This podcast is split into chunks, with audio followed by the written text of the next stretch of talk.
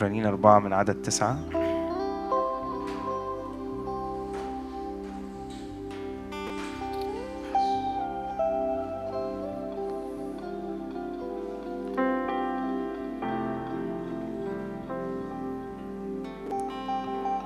إذا بقيت راحة لشعب الله. تعالوا نقف مع بعض كده وإحنا بنقرأ الكلمات دي.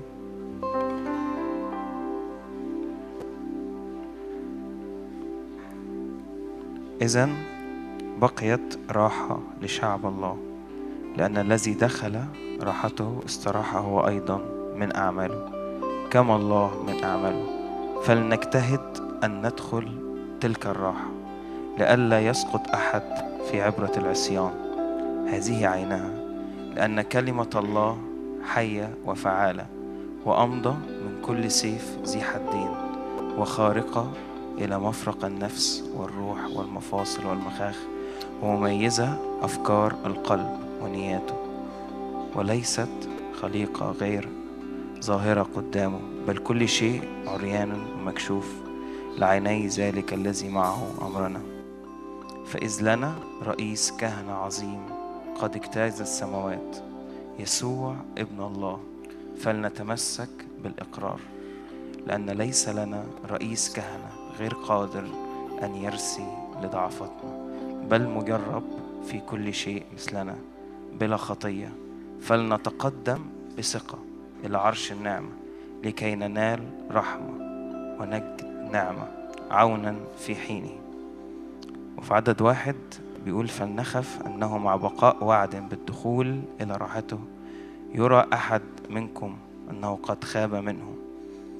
عدد واحد هنا باين أكتر في المبسطة إنه كن حذر خاف إنك ما تاخدش الوعد إنك تدخل الراحة.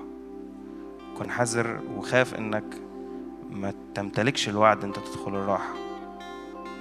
وفي آخر إصحاح يقول لك لنا رئيس كهنة عظيم قد اجتاز السماوات عشان ندخل إلى الراحة عشان ندخل إلى عرش النعمة. وأنا جاي كده وكان كل كل جوايا إنه النهاردة ربنا جاي يدخلنا للراحة للعمق جاي يدخلنا لعمق أكتر لعمق ما اختبرناهوش قبل كده. نعم. والراحة هنا يعني السلام يعني الحرية من العبودية يعني التخلص من الثقل.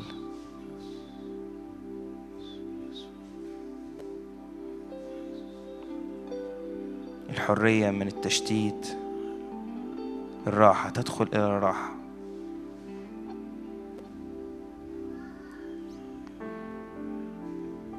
فتعالوا كده نبتدي وقتنا وإحنا بنعبد من الراحة مش من كل ثقل مرمي علينا من بره أو أي أحمال محملين بيها لكن ندخل إلى الراحة. والراحة دي مش هنعرف ندخلها غير بالإيمان.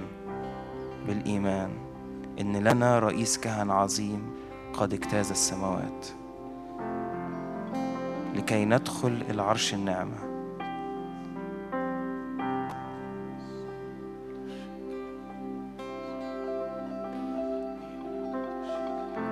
نعم يا رب جايين ندخل يا رب إلى راحتك. نعم يا رب جايين ندخل يا رب للعمق. جايين نختبر يا رب الأبوة. جايين نختبر يا رب الحب.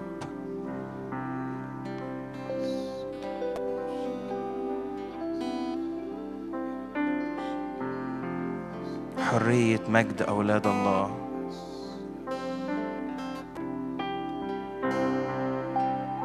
الحرية الحرية من كل ثقل. نعم يا رب أصلي يا رب إنه أي ثقل يا رب محملين بيه يا رب جوه القاعة دي في اسم رب يسوع. كل أتقال يا رب تقع في اسم رب يسوع. نعم يا رب نعبدك من الراحة يا رب. لا تشتيت يا رب على الأذهان يا رب.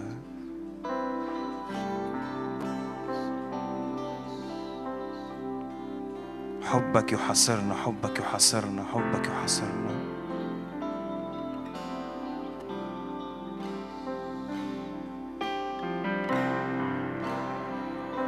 طارحين كل ثقل طارحين كل ثقل.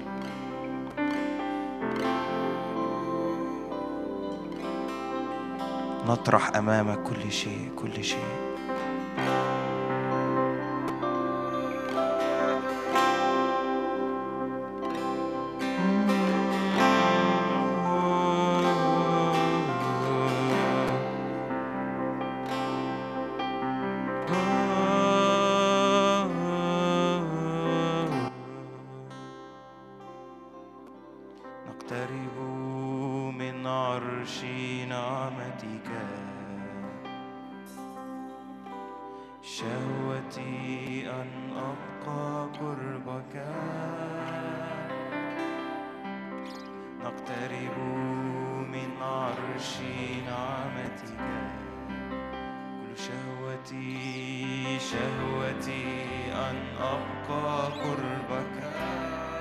نقترب من عرشك نقترب من عرش نعمتك كل شهوتي شهوتي أن أبقى قربك.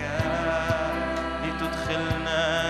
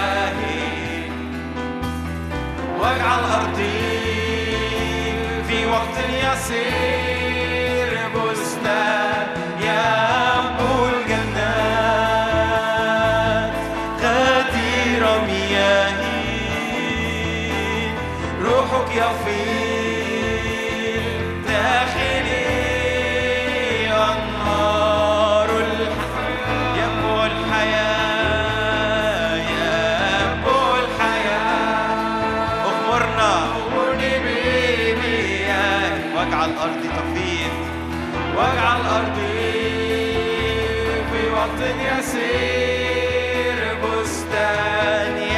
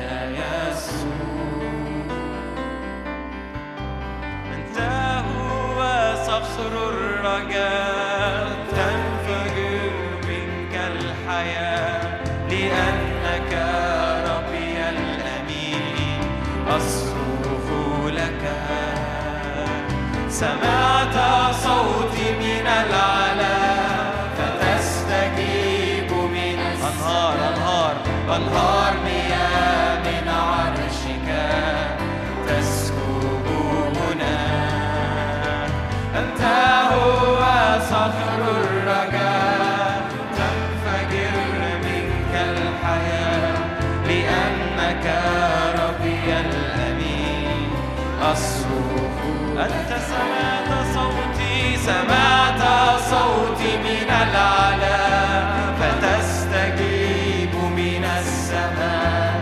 أنهار مياه من عرشك تسكو تعطش تعطش نفوسنا. فلتغمرنا بروحك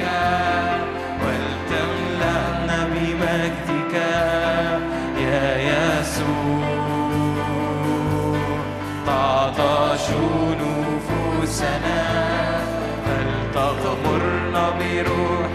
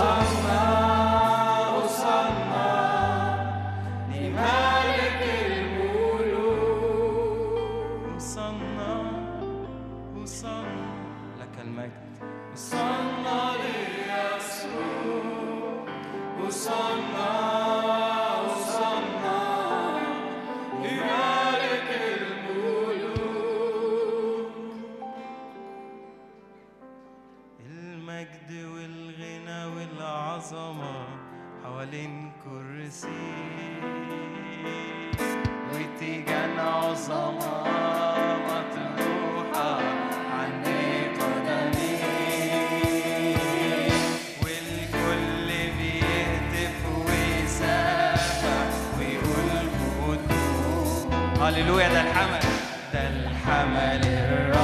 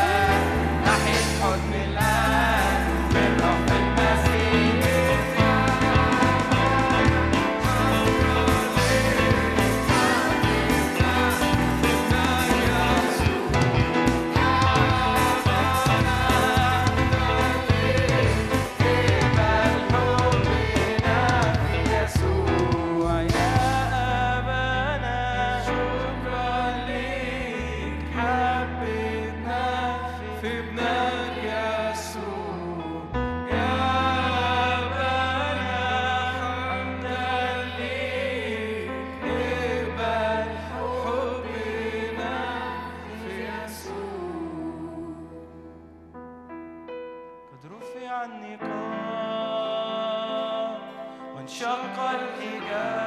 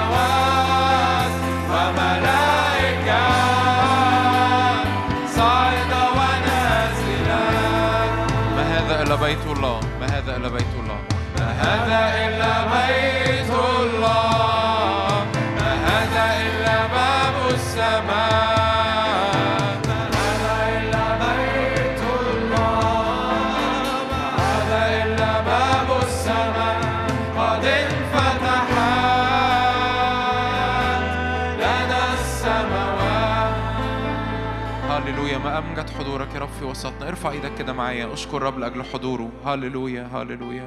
ما هذا إلا بيت الله. اعلن معايا كده. ما هذا إلا بيت الله ما هذا إلا باب السماء. هللويا. ملائكة الله صاعدة ونازلة على كل حد في اسم رب يسوع. أؤمن باختبارات السماء على كل حد في اسم رب يسوع. في العبادة وفي الكلمة في التسبيح في الصلاة اللي بعد الكلمة.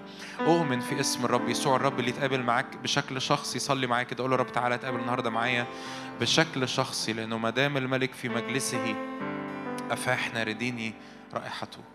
بما أن الرب موجود فالرب يفيح بحضوره يفيح بنتائج حضوره يفيح بقوته.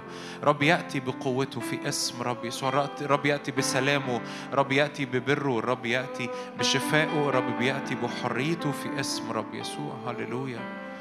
بعد كده سلام لذهنك سلام لقلبك سلام لمشاعرك سلام لأفكارك في اسم رب يسوع. هللويا.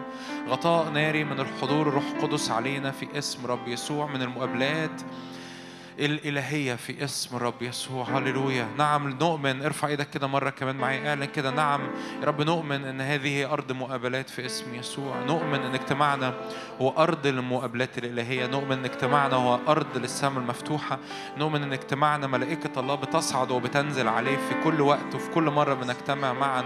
نؤمن يا رب إنه إنه اجتماعنا هو مجال لحركة حرية الحضور الإلهي علينا في اسم الرب يسوع بكل نتائج الحضور الإلهي في اسم الرب يسوع. هللويا. هللويا.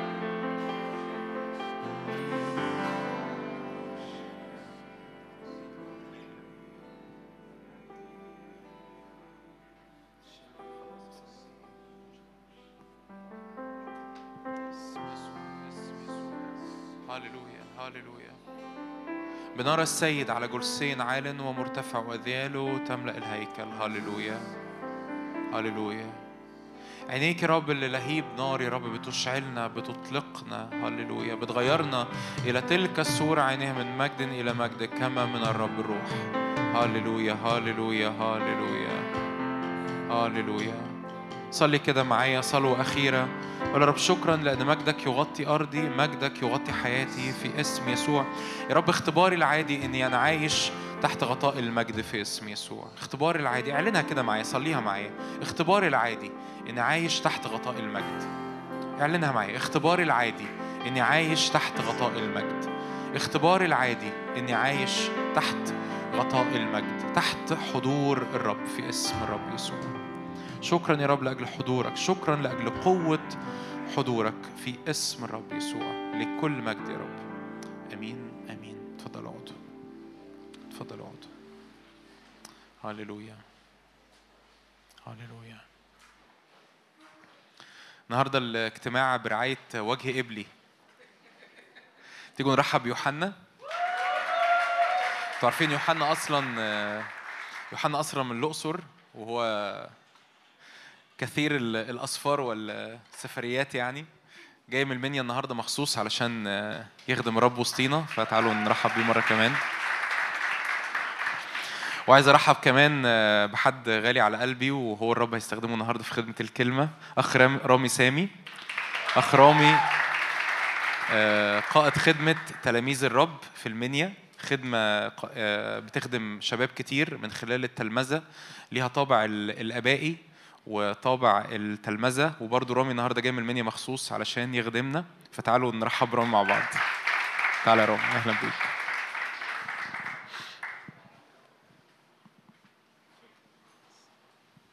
هاليلويا. هاليلويا. مبارك اسم الرب. قول للرب مبارك اسمك. مين فرحان بحضور الرب؟ مفيش أجمل من حضوره. مفيش أجمل من إنك تقف قدامه وإنت عارف إنك محبوب مقبول ومطلوب كمان. قولوا معايا محبوب ومقبول وإيه؟ مطلوب. إحنا دايما فاكرين إننا محبوبين ومقبولين بس ساعات بننسى إننا مطلوبين. عارفين لما الرب يسوع اتقابل مع السامرية حد عارف الموقف ده أو القصة دي؟ قال لها جملة جميلة قوي. لما اتكلم عن الساجدين الحقيقيين اللي بيسجدوا لله بالروح والحق قال لها لأن الآب مين يكمل؟ الآب إيه؟ مين اللي طالب؟ الآب طالب مين؟ مثل هؤلاء الساجدين يعني مين اللي طالب مين؟ يعني إحنا مطلوبين هنا؟ واو أنا بالنسبة لي دي حقيقة مدهشة حد هنا دي بالنسبة له حقيقة مدهشة؟ ما ما شفتش أي واو أو هللويا أو أي حاجة. تاني تاني يعني تأملها كأنك بتسمعها لأول مرة. في حضور الرب إحنا مطلوبين. مطلوبين لأنه بيحبنا مطلوبين لأننا غاليين عليه مطلوبين لأن فرحته فينا لأننا أولاده. آمين؟ كل مرة تدخل فيها لمحضر الرب صدق إنك مطلوب في محضر الرب. تعالوا نقف علشان نقرأ شاهدين من كلمة الله. الشاهد الأول من سفر اشعياء إصحاح 63 وعدد 15 اشعياء 63 15 وبعدين هنقرأ شاهد تاني من أفسس واحد. في عدد 15 يقول كده تطلع من السماوات وانظر من مسكن قدسك ومجدك. أين غيرتك وجبروتك؟ زفير أحشائك ومراحمك نحو امتنعت. بصوا بقى التعبير اللي جاي ده. ده إسرائيل بيقول للرب. بيقول فإنك أنت أبونا وإن لم يعرفنا إبراهيم وإن لم يدرنا إسرائيل. أنت يا رب قولوا أنت يا رب إيه؟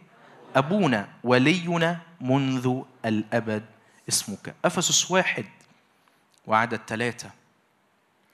يقول مبارك الله أبو ربنا يسوع المسيح الذي باركنا بكل بركة روحية في السماويات في المسيح كما اختارنا فيه قبل تأسيس العالم لنكون قديسين وبلا لوم قدامه في المحبة. إذ سبق فعيننا للتبني بيسوع المسيح لنفسه. ممكن نقول الجملة دي تاني؟ إذ سبق فعيننا للتبني بيسوع المسيح لنفسه. حسب مسرة مشيئته لمدح التي أنعم بها الذي فيه لنا الفداء بدمه غفران الخطايا حسب غنى نعمته آمين. تفضل.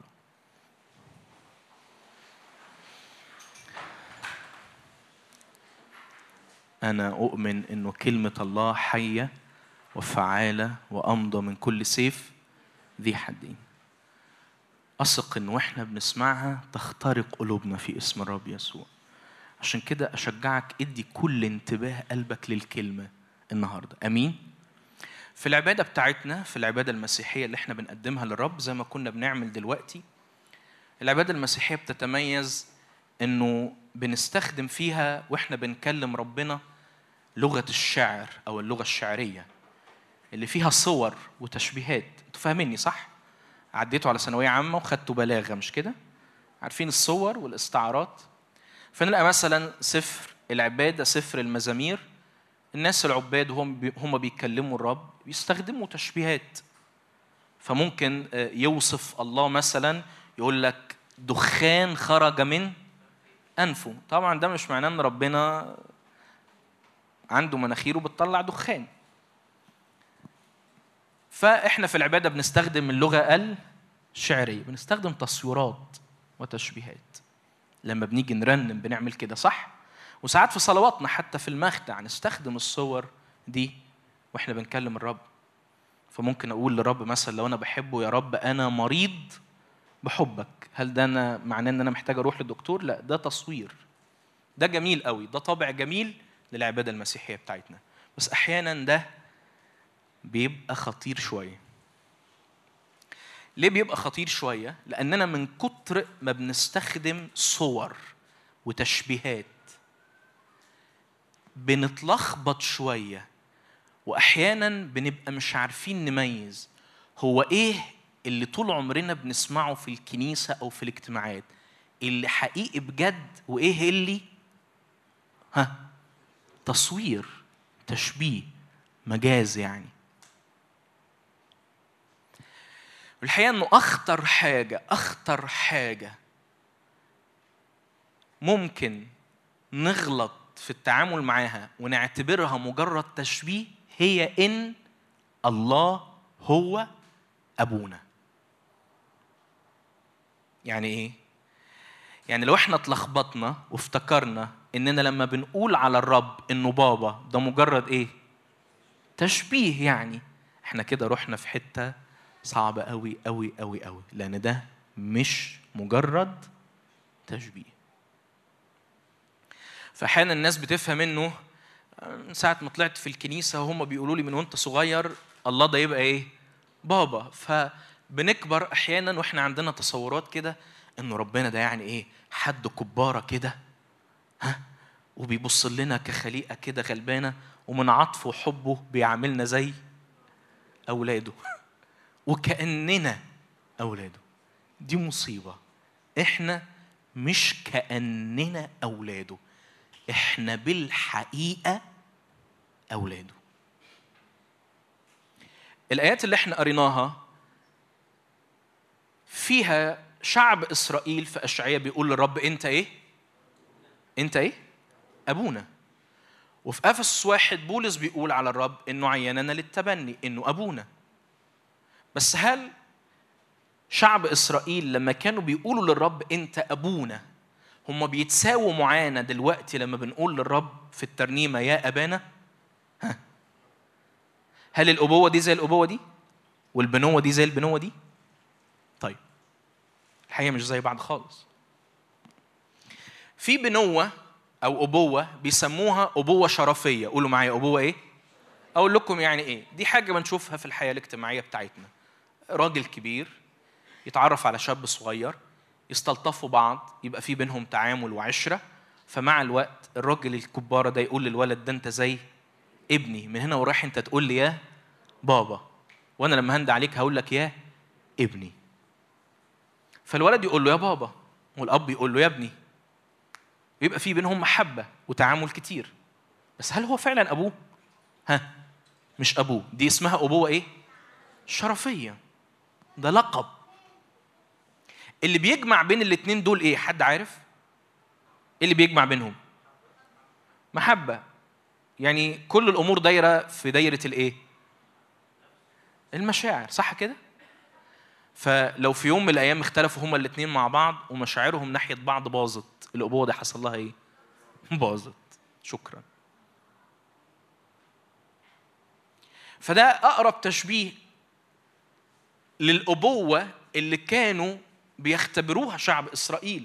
الله بالنسبة لهم كان أب لأنه الخالق لأنه الراعي لأنه اللي دخل في عهد معاهم لأنه المهتم بيهم لأنه المحامي عنهم لأنه السيد بالنسبة لهم.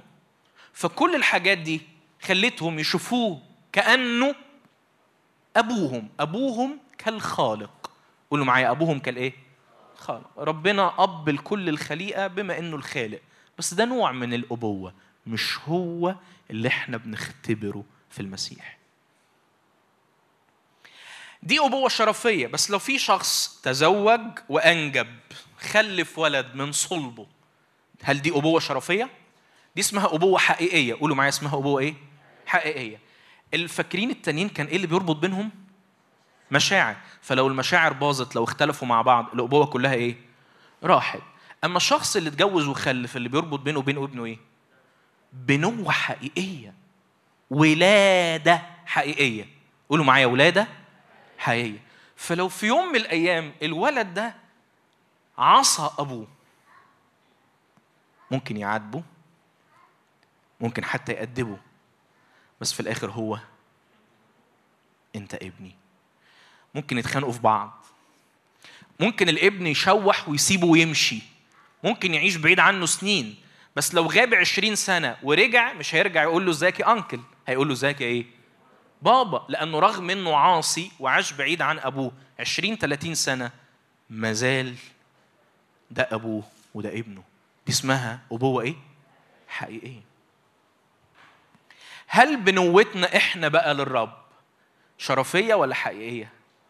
ها حقيقية إحنا بالحقيقة أولاد الله واللي بيجمع بيننا وبين الرب مش مجرد مشاعر مش مجرد لقب الرب أخده لنفسه لكن ولادة حقيقية الآيات اللي قريناها في أفس واحد فيها آية مهمة جدا جدا جدا يقول في عدد خمسة عن الله الآب إذ سبق فعيننا للإيه؟ يعني إيه للتبني؟ يعني نبقى إيه؟ أولاده. بعد ما قال عيننا للتبني قال ملحوظة مهمة قوي. قال إن التبني ده بمين؟ بمين؟ بيسوع المسيح. عمرك سألت نفسك ليه بيقول عيننا للتبني ولازم بعديها يقول بيسوع المسيح؟ يعني إيه تبني بيسوع المسيح؟ لأنه ببساطة الله الآب ما عندوش غير ابن غير ابن إيه؟ واحد وحيد. هو المسيح. أقنوم الكلمة. الله اللي ظهر في الجسد. قولوا معايا تاني. الله الآب ما عندوش غير ابن واحد وحيد. فلو إحنا رحنا قلنا لله إحنا عايزين نبقى أولادك. يقول لنا مفيش غير حل واحد. أنا ماليش غير ابن إيه؟ فعشان تبقوا أولادي لازم أخدكم على بعضيكم وأروح زارعكم جوة ابني. فلما تعيشي جوة الابن تبقي ابنة. لما انت توجد جوة الابن تبقى ابن. حد فاهم حاجة؟ طب اللي فاهم يرفع ايده كده. هللويا إيه النباهة دي؟ لا بجد. اشكركم. اذا لو أنا سألت كل واحد منكم دلوقتي المفروض يبقى فاهم. لو سألتك أنت ليه بقيت ابن لله؟ تقول لي عشان أنا بقيت جوه. جوه الابن. لأنه بره الابن مفيش بنوة. قولوا معايا بره الابن مفيش بنوة. الله ما عندوش غير ابن واحد وحيد. إحنا بقينا أبناء لله عشان اتوجدنا جوه ابن الله. عارفين ده معناه إيه؟ إنه أصبح اللي بيربطنا بالله هو نفس اللي بيربط الآب والابن ببعض. تاني تاني تاني. أصبح اللي بيربطني بالله هو نفس اللي بيربط مين ومين؟ الآب والابن مع بعض. لأن أنا بقيت جوه مين؟ يعني إيه مدى قوة الرابطة اللي بيني وبين الله؟ هي قد الرابطة اللي بين بين ومين؟ الآب والابن. حد يعرف يفكها؟ حد يعرف يفكها؟ يبقى في حد يعرف يفك الفك يفك الرابطة اللي بينك وبين الرب؟ عشان كده بولس يقول من يفصلنا عن محبة المسيح؟ ببساطة ما فيش حد. ليه؟ إحنا أصبحنا جوه المسيح إحنا بقينا مرتبطين بالآب بنفس الرابطة اللي بينه وبينه الابن فحدش يقدر يفصلنا عنه. عشان كده بولس يقول في فيليبي ثلاثة تعالوا نطلع فيليبي ثلاثة وعدد سبعة. يقول لكن ما كان لي ربحا فهذا قد حسبته من أجل المسيح خسارة. بل إني أحسب كل شيء أيضا خسارة من أجل فضل معرفة المسيح يسوع ربي. الذي من أجله قولوا خسرت كل الأشياء وأنا أحسبها نفاية. لكي؟ قولوا بقى التعبير اللي جاي بقى. وأعمل إيه؟ أوجد فيه. ده ملخص اختبار الحياة المسيحية عند القديس بولس. يعني إيه تبقى إنسان مسيحي؟ يعني أتوجد جوه مين؟ جوه المسيح. والمسيح ده اسمه الإيه؟ الإبن. صفته إيه؟ هو الإبن. فلأنه الإبن وأنا بقيت جواه. أنا بقيت أنا بقيت إبن. فلما بنزل مستوى العلاقة اللي بيني وبين الله الآب لمستوى المشاعر وأظن إنه مم، ربنا بيحبني كأني ابنه. ده تقليل صعب جدا من حقيقة الاختبار اللي إحنا أخدناه. لما بنزل اللي بيني وبين الله لمستوى اللقب الله أبويا أبوك إزاي يعني؟ يعني أبويا أنا ماليش حد. وهو اتبناني ورضي بيا وحن عليا. فبقى أبويا. أيوه يعني بجد بقى أبوك؟ لا ده لقب. لو أنا شفت إنه لقب أبقى نزلت الاختبار اللي أنا اختبرته لمستوى صعب جدا. أنا ابن الله بالحقيقة. قول معايا أنا ابن الله بالإيه؟ بالحقيقة. أنا بقيت جوه الابن. ولو أنا بقيت جوه الابن ده معناه إن المحبة اللي جاية من الآب ناحية الابن عارفين بتخبط في وش مين؟ في وش مين؟ حد حاسس بيها بتخبط في وشه؟ تاني تاني تاني تاني تاني أنا أثق إن في إعلان ما هيدهشكم من الإعلانات دي يعني. تاني تاني تاني. لو أنا موجود بجد جوه الإبن فده معناه إن المحبة تيارات المحبة دي فيضان المحبة اللي ماشية جوه الثالوث اللي جاية من الآب للإبن. عارفين بتخبط في وش مين؟ في وش أنا؟ عارفين ده معناه إيه؟ إن وأنا ثابت في الاختبار ده وأنا ثابت في الحق ده أنا بستقبل من الله الآب. نفس المحبة اللي بيستقبلها الرب يسوع المسيح من أبوه. هاليلويا أنا بعزي الملائكه اللي هنا عشان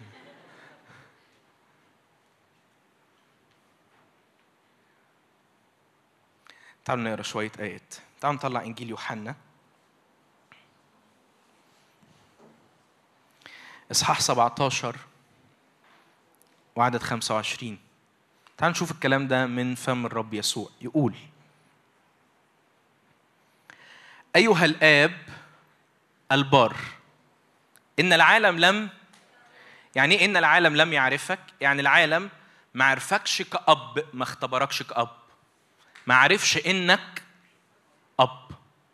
لأن هو بيكلم الله الايه الآب فبيقول الآب الأب العالم ما عرفكش ما عرفش أبوتك. ما شافكش ما اختبركش. أما أنا ف عرفتك. بديهيه صح لأن مين اللي بيتكلم ده؟ مين؟ لا اسمه أقنوم الإيه؟ الإب. فطبيعي يبقى عارف أبوه عارف أبوته لأنه ده ابن الله من الأزل. أما أنا أما أنا فعرفتك. وهؤلاء بيتكلم عننا. عرفوا أنك أنت أرسلتني. اسمع عدد 26 بيقول له بقى إيه؟ وعرفتهم اسمك. عرفتهم اسمك اللي هو اسم الإيه؟ ها؟ الآب. يعني إيه عرفتهم اسمك إن أنت الآب؟ يعني عرفتهم إن أنت إيه؟ أيوه صح. عرفتهم إن أنت إيه؟ أبوهم. ولما عرفوا إن أنت أبوهم ولما هيختبروا لما هيختبروا إنهم أولادك وإنهم أولاد حقيقيين مش مجرد تشبيه بصوا النتيجة الرهيبة اللي إحنا بنختبرها. لما هيعرفوك هيكون فيهم الحب أنهي حب بقى؟ قولوا معلش أنهي حب؟ الذي أحببتني به وأكون أنا فيهم. هللويا. في ملاك هنا تعزى خالص عمال يرفرف.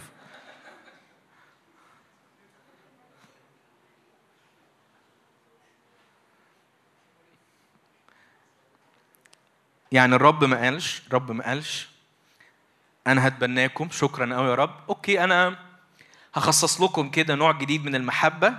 أنا خلقته. على قدكم محبه صغيرة تليق بيكم وبضعفاتكم وبخطاياكم حاجة كده على قد يعني إيه و- ومحدودة و حاجة على قديكم يعني. الله قال كده؟ لا الله ما اخترعليش نوع جديد من المحبة. تاني الله الآب ما اخترعليش نوع جديد من المحبة. الله الاب من قبل تأسيس العالم من قبل تأسيس العالم بولس بيقول سبق فعيننا للتبني. من قبل تأسيس العالم بص جوه المسيح شافني وعرفني وقال قصدي إنه أنت يا رامي تتحب مني بنفس المحبة اللي أنا بحب بيها ابني الوحيد أقنوم الكلمة. أشكركم. جديدة دي. حد فاهم حاجة. أنتوا فاهمين إيه هي محبة الاب للابن؟ أنتوا عارفين مين الاب والابن دول؟ مين الاب والابن والروح القدس دول؟ دول ربنا صح؟ دول ربنا. أنتوا عارفين عارفين انه الاب مش هو الاب ومش هو الروح القدس كل واحد منهم أقنوم بس الثلاثه إيه؟ واحد. اذا في بينهم حاجة اسمها الإيه؟ الوحدة. حد يقدر يفك الوحدة دي؟ حد يقدر يلخبطهم؟ حد يقدر يفصلهم عن بعض؟ مستحيل. مستحيل. لأنه الوحدة اللي بين الثالوث قايمة على محبة رهيبة. محدش يقدر يوصفها. محدش يقدر يتخيلها. تخيل المحبة الرهيبة دي. أصبحت من نصيب مين؟ من نصيبك. من نصيبك. لأنك وجدت جوه جوه الابن أنا عارف اللي أنا بقوله ده ملعبك بس اللي أنا بقوله ده البديل الكتابي لمسيحية الشعارات والمشاعر بتاعت الله هو بابا بس أنا مش فاهم يعني إيه هو بابا. فبالنسبة لي الموضوع بيتحول لرومانسية روحية. عارفين الرومانسية الروحية؟ يا رب أنت بابا بس أنا مش فاهم حاجة. أنا بالنسبة لي أنت بابا يعني بيحبني كأني ابنه. فأول ما بتحصل مشكلة بيني وبينه أول ما بقع في خطية بحس إنه إيه؟ الله اللي هو زي بابا ده زمان وبيقول لي إيه؟ أنا لو أعرف إن أنت كده ما كنتش قلت لك أنت زي ابني. هتفهمني؟ ده لما بتبقى البنوة عبارة عن رومانسية إيه؟ روحية. لكن اللي بيقوله الكتاب صراحة ملوش علاقة بالرومانسية الروحية. ده بيقول إن في ولادة حقيقية حصلت ولادة حقيقية من الله.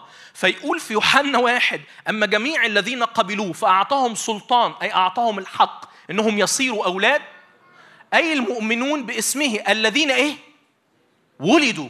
ليس من جسد ولا من مشيئة رجل ولا من دم بل من من الله. ده في ولادة حقيقية ده في وجود جديد. قولوا معايا في إيه؟ وجود جديد. وجود جديد بقى جوه مين؟ جوه مين؟ جوه الابن. ما أعرفش حضرتك عرفت الخبر ده ولا لا بس في اليوم اللي انت وقفت فيه واديتي حياتك للمسيح بجد انت بدات نوع جديد من الوجود.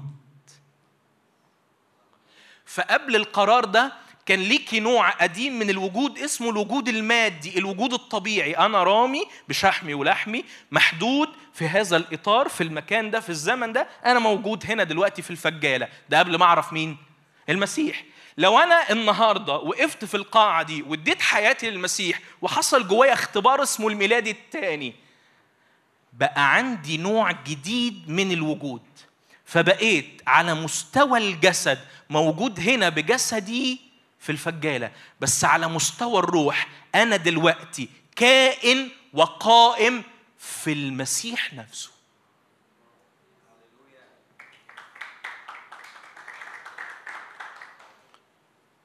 كائن وقائم في المسيح نفسه. لما تقرأ أفسس واحد تلاقي بولس بيقول إيه؟ بولس رسول يسوع المسيح ده من عدد واحد إلى القديسين الذين في أفسس. والمؤمنين لو تجيب لي الآية دي أفسس واحد واحد المؤمنين ما يقول لهمش بالمسيح يسوع. عارفين يقول لهم المؤمنين إيه؟ في المسيح يسوع.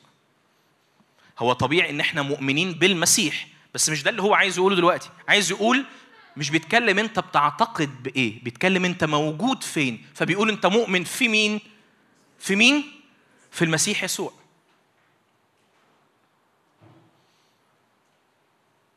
كمل العدد اللي بعده؟ عدد اتنين يقول نعمة لكم والسلام من الله أبينا والرب يسوع المسيح. مبارك الله أبو ربنا يسوع المسيح الذي باركنا بكل بركة روحية في السماويات. اقرأ اللي جاية. فين؟ في المسيح. يعني ربنا لما جه يحوش لك البركة ويحطها في رصيدك حطها فين؟ في المسيح. ليه؟ عشان هو عايز يديها لك وانت ابن وخارج الابن مفيش إيه؟ بنوة. فعشان يديك البركة دي حطها لك في مين؟ في المسيح. لأنك هتوجد في مين؟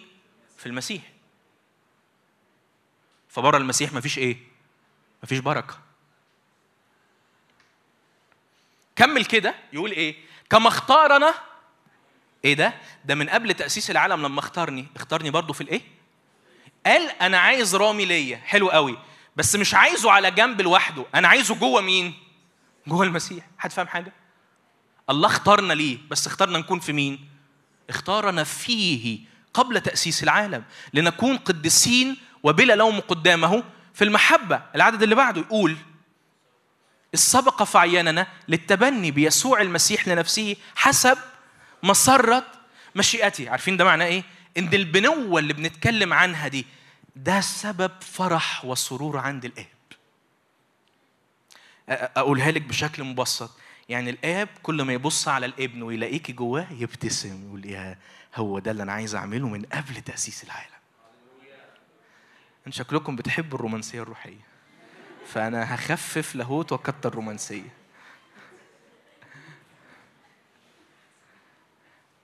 بس دي حقيقة برضه. الكتاب بيقول إن التبني ده حسب إيه؟ حسب إيه؟ مسرة مشيئته. يعني إيه حسب مسرة مشيئته؟ يعني مبدئيا ده ما كانش اضطرار. ده ما كانش إيه؟ يعني الله ما بصش كده وقال "مم، الطبخة باظت مني الخليقة سقطت مني أنا مضطر أتبناهم. لا لا لا لا لا لا لا لا. أقول لكم على سر بس ما تقولوش لحد يعني. هتقولوا لحد؟ بعض الآباء من كتر ما داقوا فرح الآب ببنوتهم قالوا إنه حتى لو ما كانش آدم سقط الابن كان هيتجسد عشان يدينا التبني. في ناس بيشوفوها شاطحة. أنا بالنسبة لي مش مهم. أنا بالنسبة لي الناس دول بيقولوا كده من كتر ما شافوا إن الآب فرحان إيه؟ بيهم. وعرفوا إن الرغبة دي كانت قصد في قلبه من قبل تأسيس العالم وقصد مستني الآب إنه يحققه عشان يفرح بيه. ما هوش مضطر. ما هوش مضطر.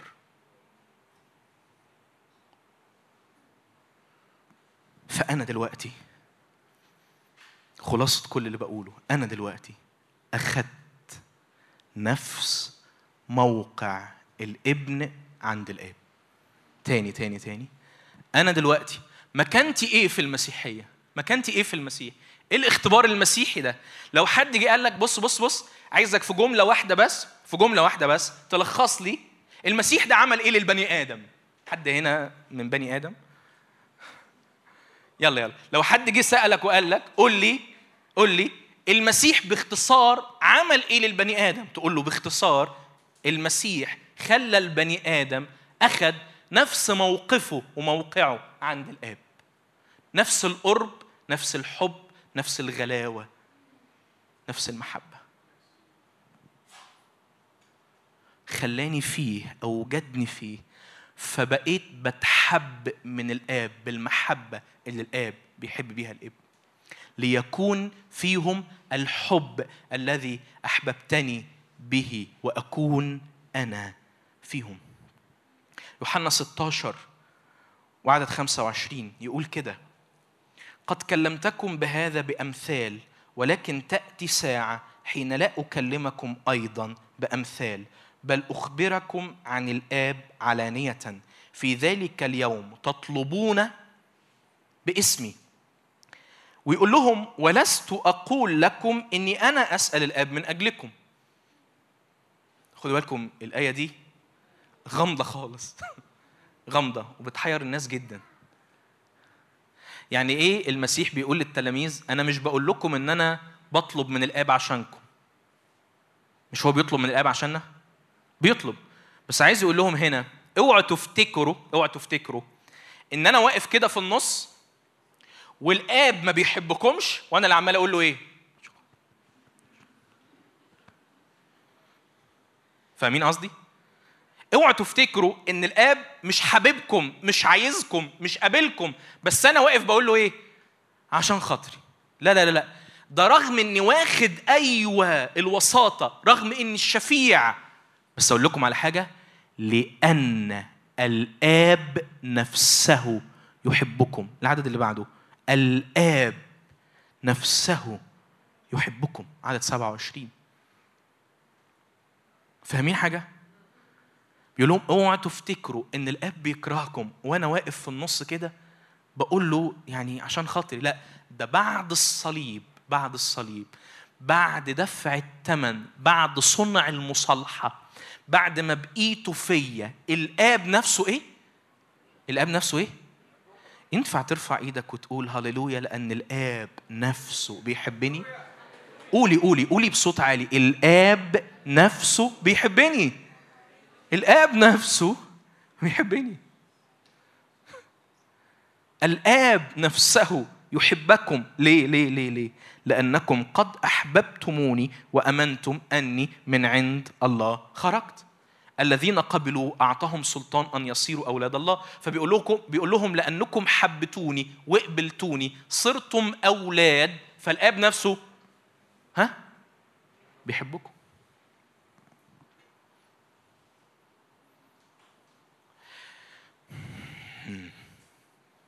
طب أقولها لكم ملخصة تاني. أنا اتخذت من العبودية من المذلة من الخطية اترفعت اتنضفت واتزرعت وسط طيارات المحبة اللي رايحة جاية بين الثالوث فالآب يحب الابن المحبة وهي معدية تعدي على مين؟ ها؟ تعدي عليا فأشعر إن أنا إيه؟ محبوب الابن يعمل إيه؟ يحب الآب فمحبته للآب تعمل إيه؟ تعدي عليا فألقى نفسي بحب مين؟ بحب الآب الاب بيحب الروح القدس الروح القدس بيحب الاب والابن. الثلاث اقانيم عمالين يفيضوا بالمحبة على بعض طيارات رايحة جاية. وأنا واقف في النص مش عارف أستقبل محبة منين ولا منين. ده اللي عمله المسيح لينا. ده معنى إننا صرنا أولاد. قولوا. أولاد الله. عشان كده بزعل قوي بزعل قوي بزعل قوي لما وأنا كنت للأسف يعني قبل ما أفهم الحق ده كنت بقع في ده زمان. لما كنت رجلي تزل كده واقع في خطية كنت أحس إنه أكيد ربنا دلوقتي لو هشوفه هيبص لي بقرف مش طايقني. أو أوقات تانية كنت أحس إنه بما إني غلطت اسمعوا اللي جاية دي اسمعوا الجريمة دي اللي كنت بظنها. أنا كده انفصلت عن الله. حد شعر قبل كده إنه بما إنه غلط فانفصل عن الله ما ترفعش إيدك ليه التفكير ده جريمة؟ اسمعني. لأنه المكانة اللي بقيت فيها ونوع الرابطه اللي اتربطت بيها مع الله الآب أقوى بكتير من إن أي خطية تهزها.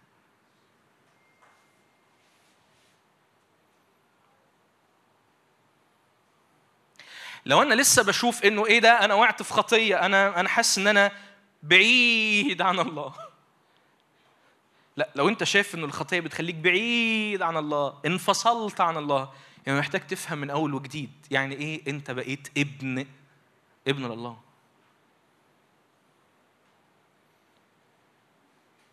لأنه لما بتفهم يعني إيه بقيت ابن لله بتعرف إن المحبة اللي أنت محبوب بيها دي محبة الآب للإبن دي محبة أعتى. من أعتى خطية لدرجة إنه أحد الأباء السوريان قال كده.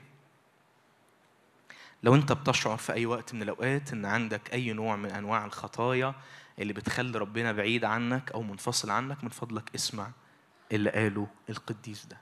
قال إن كل خطايانا مجتمعة. يعني خطاياي على خطاياكم على خطايا اللي ماتوا على خطايا اللي هيتولدوا ويموتوا خطايا البشرية كلها. إن كل خطايانا مجتمعة. تقف أمام حبة الله كحفنة تراب ألقيت في محيط.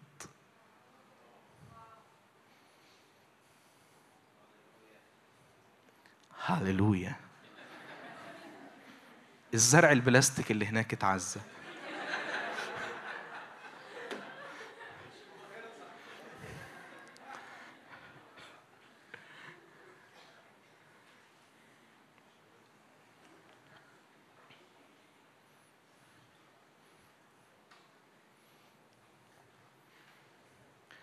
طب أقول لكم على حاجة تانية؟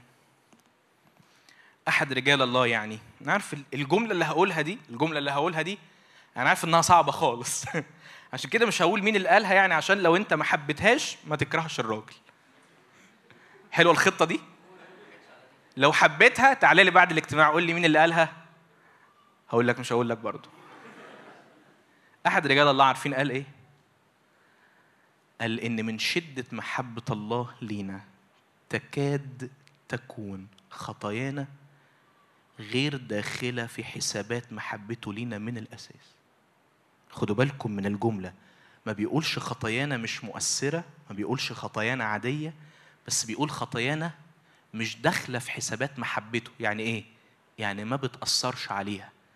أيوه اللي بيعمله معاك بياخد الشكل اللي أنت محتاجه لما بتقع في خطية بس المحبة ما بتتغيرش. ليه كل ده؟ لما تسأل نفسك ليه كل ده أرجوك اوعى تروح للرومانسية الروحية روح للحق لأنه ببساطة المحبة اللي أنا محبوب بيها دي دي محبته لمين؟ لابنه اللي مفيش أقوى منها في الوجود. اللي الوجود ما يقدرش يتحمل كل أبعادها أصلاً. عشان كده الكاهن في القداس الغريغوري يصلي ويقول إيه؟ ليس شيء من النطق يعني مفيش كلام. يستطيع أن يحد يعني يوصف لجة محبتك للبشر. مفيش تعبيرات مفيش ألفاظ تقدر توصف المحبة الجبارة اللي الآب بيحبني بيها. وده مش عشان حاجة حلوة فيا وده مش عشان أنا أستحق المحبة دي وده مش عشان أنا استعطفته بأعمال كويسة ده ببساطة عشان الابن لما مات عني ودفع ثمن خطاياي خطاياي حطني الآب جواه فبقيت بستقبل نفس محبة الآب للابن. ودرجة قربي من الآب هي درجة قرب الابن منه وغلاوتي عند الآب هي غلاوة الابن عنده. وقوة الرابطة اللي بيني وبين الآب هي قوة الرابطة اللي بين الآب والابن. دي مش رومانسية. ده اللي يسوع مات عشان يدفع لك ثمنه فمن فضلك استمتع بيه. تاني تاني ده اللي يسوع مات عشان يدفع لك ثمنه فمن فضلك استمتع بيه. عارفين أنا بشعر عارفين بشعر إنه إيه من أكتر الحاجات اللي بتجرح قلب ربنا إن يكون الابن عمل كل ده والآب بذل ابنه الوحيد عشان يعمل كل ده وإنت أو أنا أبقى عايش في ألمي وبؤسي وإحساسي إني وحيد وإحساسي إني مش محبوبة وإحساسي إني مش مقبولة والآب عمال يقول إيه؟ هي أنت عارف أنت مين بالنسبة لي؟ أيوه أيوه زي ابنك. لا يا حبيبي مش زي ابني. أنت ابني. أنا عملت كل ده عشان تتمتع بده فمن فضلك استغله.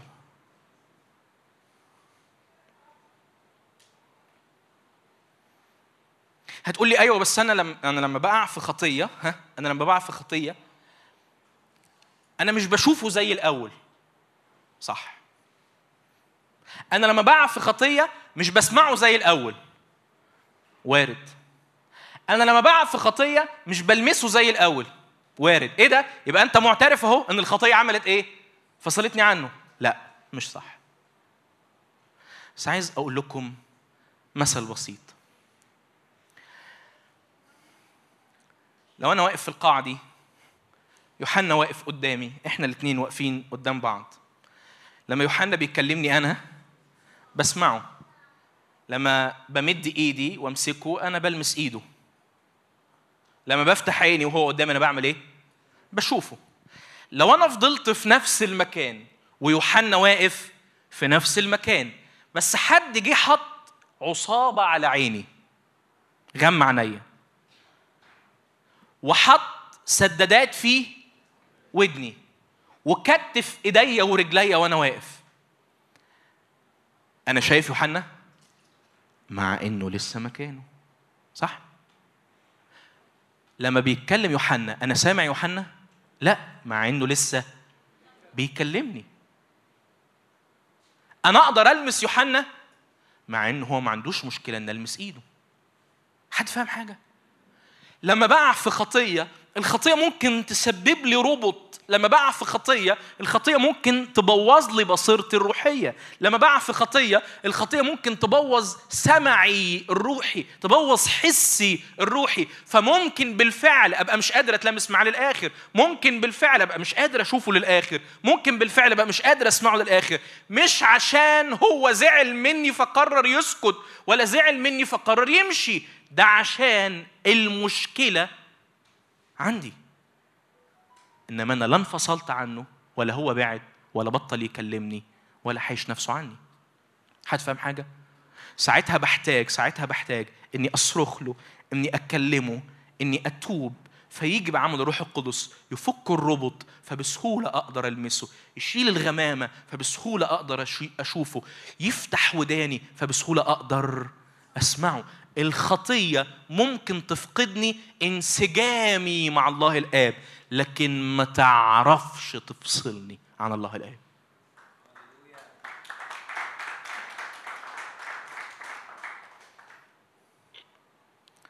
اللي سقفوا دول منيوية عايشين في القاهرة.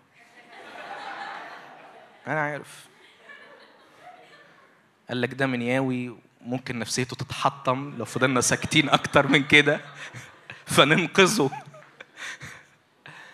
بهزر معاكم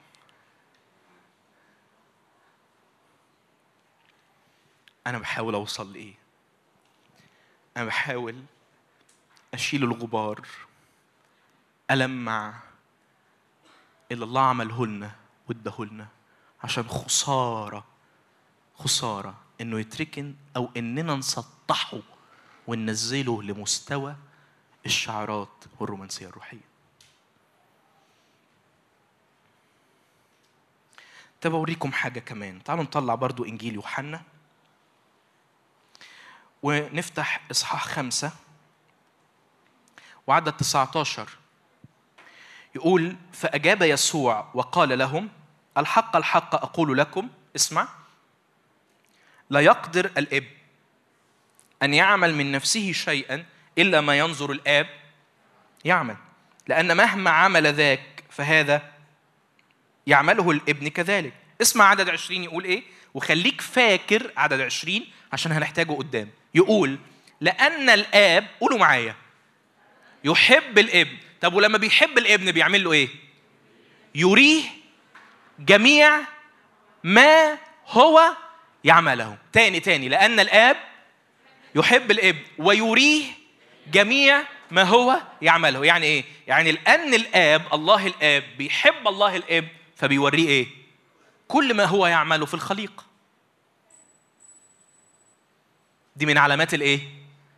الحب. شوف إزاي الحب عند المسيح لا له علاقة بالكلام ولا له علاقة بالمشاعر.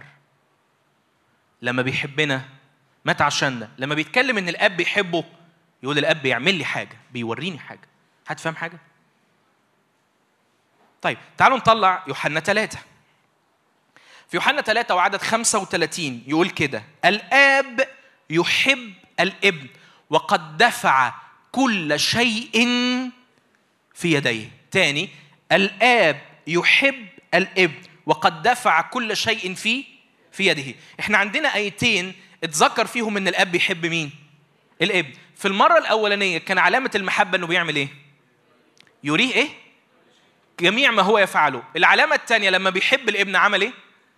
دفع كل شيء في إيده. ده مين بيحب مين؟ الاب بيحب الابن. تعالوا نطلع كده يوحنا 15 هتشوف حاجة عجيبة. هتشوف إيه؟ هتشوف إنه ببساطة ببساطة المسيح بيعمل معانا نفس الأمور اللي الاب بيعملها معاه لأنه بيحبه. ليه بيعمل معانا كده؟ لأننا ببساطة بقينا أخواته في المحبة دي. لأننا ببساطة إيه؟ بقينا أخواته في المحبة دي. يوحنا 15 وعدد 14 أنتم أحبائي. أنتم إيه؟ أحبائي هنا مش معناها محبوبين. أحبائي هنا معناها أصدقائي القريبين. أنتم أحبائي إن فعلتم ما؟ أوصيكم به أنا عايز أختبر القرب ده من يسوع وأبقى صاحبه لازم أعمل إيه؟ أعمل اللي بيقوله. فعلتم ما أوصيتكم به. عدد 15 لا أعود أسميكم عبيدا. قولوا معايا. لأن العبد لا يعلم ما يعمل سيده. لكني قد سميتكم أحباء. يعني إيه أحباء؟ يعني قلنا اصحابه الإيه؟ القريبين. أو بمعنى تانية اخواته الصغيرين. فيعني إيه سميتكم أحباء؟ يعني أنتوا بقيتوا اخوات الصغيرين أنا اخوكم البكر ده معناه ان إحنا بقينا ابناء لمين؟ لأبوه للآب. فبص يقول إيه؟ لأني أعلمتكم بكل ما سمعته من أبي. تاني بيقول لهم أنا مش هسميكم عبيد أنا هسميكم إيه؟ أحباء. ليه؟ لأني أعلمتكم بكل ما سمعته من أبي. حد فاهم حاجة؟ طب أقول تاني. الأب بيحب مين؟ الابن والأن بيحب الإبن بيوري الإبن إيه؟ جميع ما هو يفعل. الإبن شاف إن إحنا بقينا أخواته في البنوة دي فقرر إنه يعمل إيه؟ يقول لنا كل اللي الآب قاله له. ليه بقى لينا الحق ده؟ إننا نسمع من الابن كل اللي هو سمعه من الآب عشان دخلنا معاه جوه البنوة بتاعته. بقينا إخواته الصغيرين زي ما مكتوب عنه في روميا 8 29 ليكون هو بكرا بين إخوة كثيرين. فبقى ينفع دلوقتي يسوع ينده عليك تعالى إيه؟ عايز أفتح لك قلبي. هتقول لي إيه؟ هقول لك أمور سمعتها من الآب. تقول له أنا طب وإيه اللي جابني هنا؟ وإيه اللي أهلني للمكانة دي؟ يقول لك وانت ما تعرفش؟ مش أنت بقيت فيا ونلت البنوة فاللي من حق الابن يسمعه بقى ليك الحق إنك تسمعه.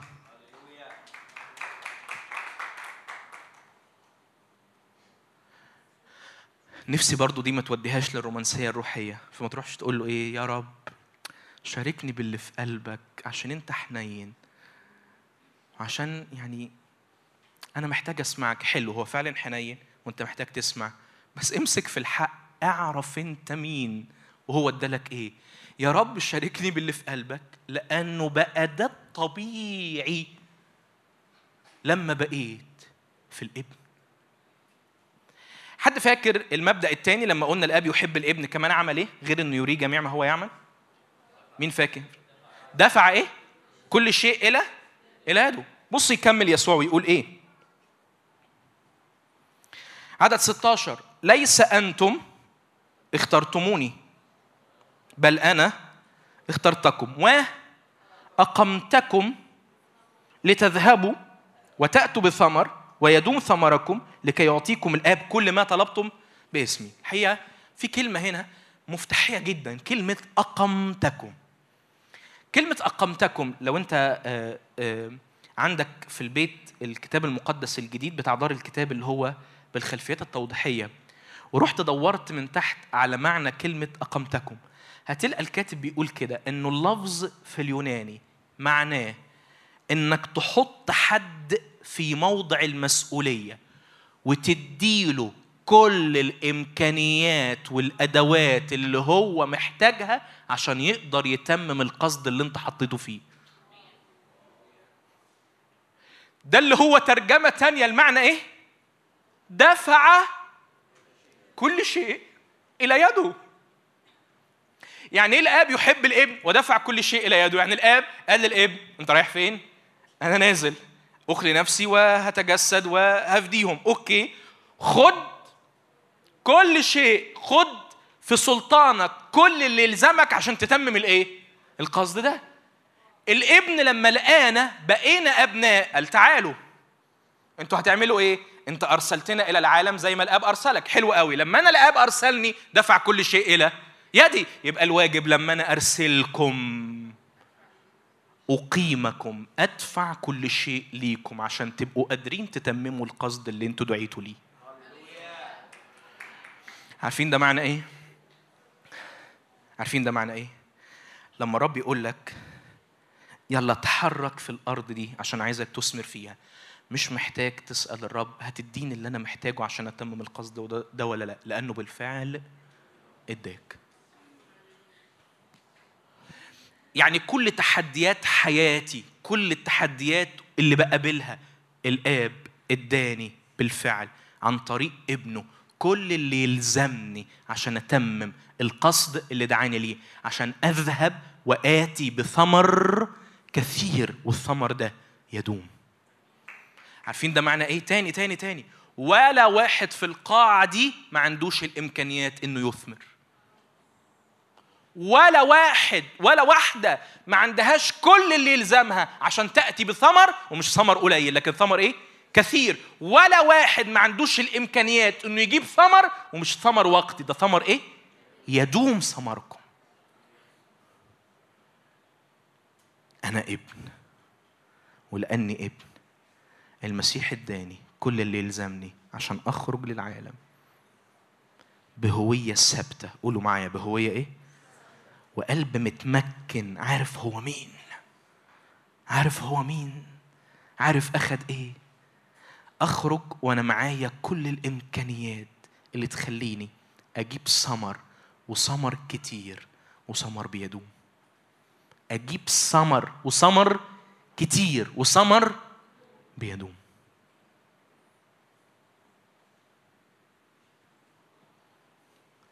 لو رجعنا خطوات لورا وبدلنا كل الحق ده بالرومانسية الروحية امم الله زي أبويا. نتيجة ده إيه؟ خلاص كل اللي بيربطني بيه جوه قلبي شوية مشاعر. لأنهم شوية مشاعر أنا مش مدرك إن الآب ينفع يخبرني بكل ما سمعه من أبي. فمش بفتح قلبي لأسرار الله لأنه كلها شوية مشاعر. أنا مش مدرك إن الآب اقامني يعني إداني كل اللي محتاجه عشان أذهب وأجيب ثمر وثمر يدوم. فبعيش في وسط العالم بهوية مهزوزة متشوشة مرتبكة مبنية على شوية مشاعر. شوية مشاعر.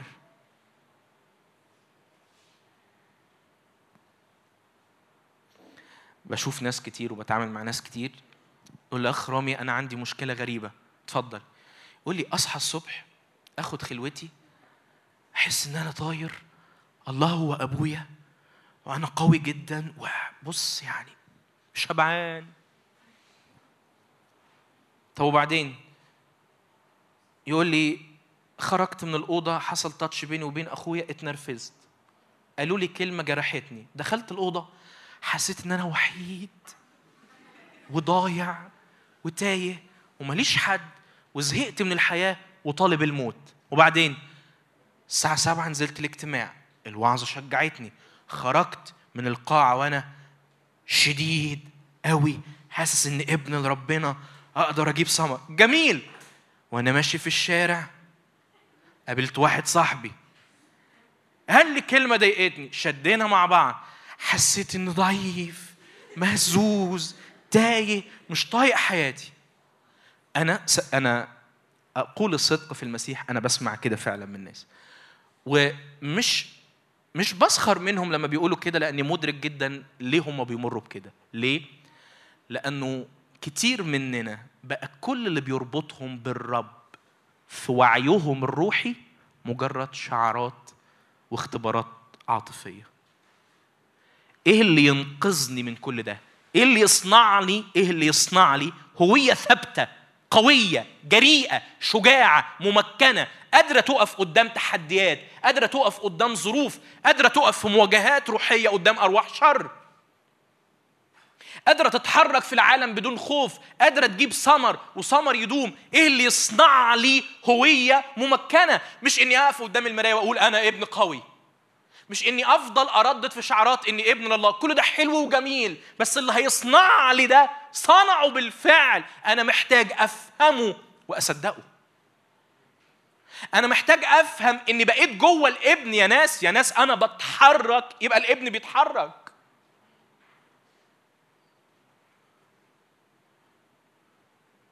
أنا واقف قدام الآب لما بقول له بابا فلو سألته بابا أنت سامع صوت مين؟ ولا سامع صوت الابن يسوع. لا ده رامي اللي بيقول. رامي جوه الابن. ورامي ما يعرفش يقول ابن إلا بروح المسيح روح الابن. ما يعرفش يقول بابا إلا بروح الابن. فلما بسمع أنا بسمع مين؟ الابن. الابن هو اللي بيتكلم. فلما بقف واطلب لما لما لما لما بقف واقول له أنا عايز بيبص يقول خد كل اللي محتاجه. إيه ده؟ بس ده ما يستحقش. لا هو يستحق أو ما يستحقش. ما بقتش جوه الحسابات. ليه؟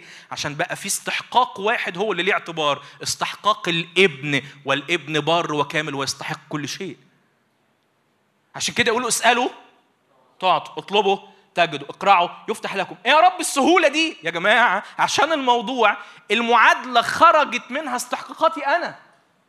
ما بقاش فيها غير استحقاقات مين؟ الإبن فتلقى المسيح بيتكلم بمنتهى البساطة. اسأل يا حبيبي تاخد اطلب تجد اقرع يفتح ليك أيوه بس أنا ما استاهلش. مالكش دعوة. الإبن يستاهل. ما وانت بتطلب أنت بتطلب من وأنت جوه الإبن لأنك بقيت موجود في الإبن. فبقى عند الآب. الإبن هو اللي بيطلب. الإبن هو اللي بيسأل. والابن الآب وعده وقال له اسألني فأعطيك الأمم ميراثا لك وأقاصي الأرض ملكا لك. هتقول لي آه، ده ده مزمور اتنين ده الآب بيكلم مين؟ الابن أنا ماليش دعوة. وأنت بقيت في مين؟ في الابن يبقى ليك دعوة.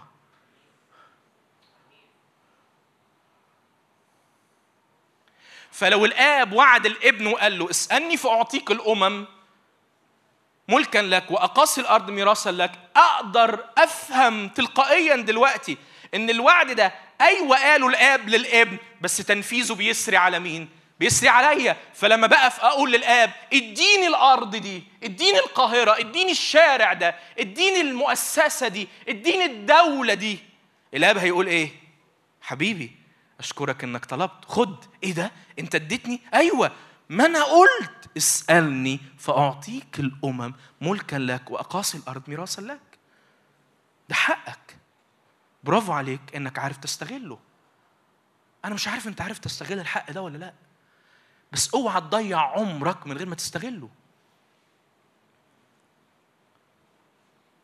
اوعي تضيعي عمرك بتعيشي مسيحية أقل بكتير من المستوى اللي يسوع دفع الثمن عشان تختبريه.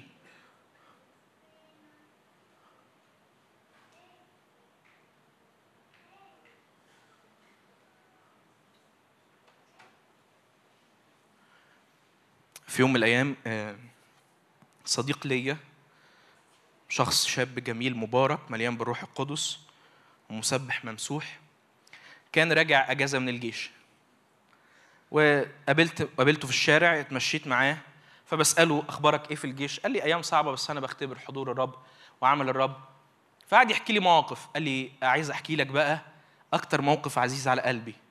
فقلت له احكي. قال لي في موقف في إعلان قوي ليا. قلت له الجيش فيه إعلانات؟ قال لي آه. اسمع الموقف. قلت له قول. قال لي هو كان على الحدود يعني. قال لي في مرة جالنا ما أعرفش يعني رتبة في الجيش ما أعرفش لواء ما أعرفش ال- ال- الرتبة اللي قالها يعني. جالنا في يوم وكان بيتكلم معانا كده وقال لنا عارفين؟ قلنا له اتفضل. قال أنا بخدم في قوات مش عارف حفظ السلام ولا إيه وساعات بنبقى على حدود السودان. والسودانيين إخواتنا السودانيين منهم ناس إيه؟ طوال خالص وعضلات وقوة جسمانية. فقال لهم إيه؟ هو عايز يفهمهم يعني إنه إنه في قيمة لل للبدلة اللي هو لابسها. فقال لهم إيه؟ قال لهم للأمانة يعني ما اخبيش عليكم الواحد من دول أنا لو نزلت قدامه هيفرمني تحت رجليه. لأن هو آه، طول بعرض. قال بس مع ذلك أنا أقدر أعمل فيه كذا وكذا وكذا مش عشان أنا قوي. وراح مسك البدلة وقال لهم بس عشان اللي أنا لابسه. فأنا قلت له هو فين الإعلان؟ قال لي لا ده وأنا بسمع كده الروح القدس ترجم لي على طول. قال لي يا فلان في كل مواجهاتك الروحية ما عادش في حساب الأرواح اللي بتواجهها الأشخاص اللي بتواجههم حجمهم عامل إزاي وقوتهم عاملة إزاي. لأنه نصرتك وقوتك مش جاية من أنت مين لكن جاية من اللي أنت لابسه وأنتم قد لبستم المسيح. دي البنوة. أقل من كده رومانسية روحية. أنا وجدت في الابن أنا عايش في الابن هويتي قوية واضحة ثابتة ممكنة لأني ببساطة لابس الابن لأني لما بتحرك الابن بيتحرك لما بطلب الابن بيطلب لما الابن بينال أنا بنال وده اللي بيخليني بتحرك بجرأة بثقة من غير ما أخاف من أشخاص? من غير ما أخاف من أرواح من غير ما أخاف من ظروف من غير ما أخاف من خطية. لأنه المكانة اللي أنا فيها والمحبة اللي اتحبيت بيها أقوى من كل ده. آمين؟ رمية 8 طولت عليكم؟ قولوا طول. حاضر. رمية 8 إحنا بنخلص. عدد 15 الخوف مرتبط بالعبودية. قولوا معايا الخوف مرتبط بالعبودية. هل إحنا ما إحنا عبيد؟ أمال إحنا إيه؟ أبناء. اذا الخوف مش في قاموسنا. هاليلويا في رؤساء ملائكة هنا متعزين جدا. تاني تاني. عدد 15 يقول إذ لم تأخذوا روح العبودية أيضا للخوف العبودية مرتبطة بالإيه؟ فلو إحنا أخدنا بتجسد المسيح وخلاصه روح عبودية كان يبقى لينا حق نعيش في إيه؟ في خوف بس إحنا ما أخدناش روح عبودية فمش من حقي أعيش في الخوف فمش من حقي أتحرك الصبح حاسس إني ابن وإن قوي وإن جريء. الظهر حاسس إنه ابن بس محتاج آه، أخد بالي شوية لأنه الموضوع بالليل حاسس إن أنا ابن بس محتاج يعني اصفي شوية حاجات بيني وبين ربنا عشان ابن بس المواجهة دي صعبة وأنا مش قدها. لا لا لا لا. لم تأخذوا روح العبودية أيضا للخوف. ممكن تكملوا معايا؟ بل أخذتم روح الإيه؟ أخذنا روح الإيه؟ التبني الذي به نصرخ يا هابا الاب فمش من حقي أخاف. لو أنا عايش في الخوف ده معناه إني مش عارف أستفيد باللي عمله المسيح عشاني. ساعات بحس إنه الروح القدس في الكلمة آه، بي بي يعني بيراعي ردود أفعالنا على الآية فبيبقى مجهز لنا الرد في الآية اللي بعديها. بجد صدقوني في آيات كتير كده. في آيات كتير جدا. فالرب هنا بيقول إيه؟ بالروح القدس على لسان بولس إنه إحنا ما أخدناش روح العبودية أيضا لليه للخوف بل أخدنا روح التبني. فواحد قال إيه؟ طب يعني طب ولو خفت طب إيه الحل؟ أيأس أفشل. يعني أنت قاعد دلوقتي طول الاجتماع عمالة تقول لنا هوية واضحة هوية ثابتة إحنا أبناء. لو أنا لو أنا لو أنا خلاص أنا خفت طب دلوقتي أعمل إيه؟ مش ثابت هويتي مش قوية مش ممكنة. أعمل إيه؟ يقول في عدد 16 الروح نفسه اللي إحنا أخدناه الروح نفسه يعني الروح نفسه ده اللي إحنا أخدناه اللي هو روح الإيه؟ التبني. بيعمل إيه؟ ممكن تقروها أنتوا؟ ها؟ يشهد لإيه؟ لارواحنا أننا؟ هللويا. لما أنا بخاف لما الهوية بتاعتي بتتهز لما بتلخبط. الروح القدس إنجاز التشبيه بيجيب روحي يحطها قدامه ويقول لها انت نلتي التبني. أنت ابن لله. أنت موقفك من الآب هو نفس موقف المسيح. أنت من حقك تكون قوي في مواجهاتك. أنت مسموح ليك تسأل فتعطى وتطلب فتجد وتقرع فيفتح ليك.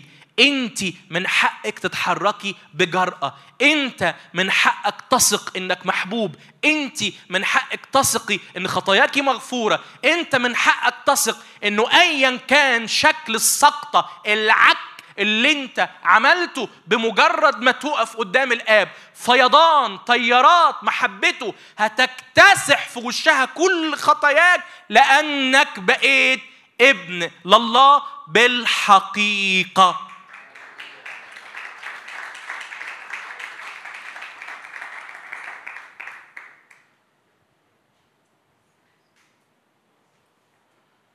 روح القدس بيقول لروحك فوقي. ادركي الحقيقة. انفض الغبار اعرفي انت مين. نفسي الروح القدس ينده دلوقتي وأثق إنه بيعمل كده من بدري. على كل واحد بيعمل زي ما أنا كنت بعمل زمان مزنوق في خطية ايا كان شكلها ايا كان حجمها وحاسس إنه "مم، أنا أحبطت ربنا. كان غيرك أشطر محدش يعرف يحبطه.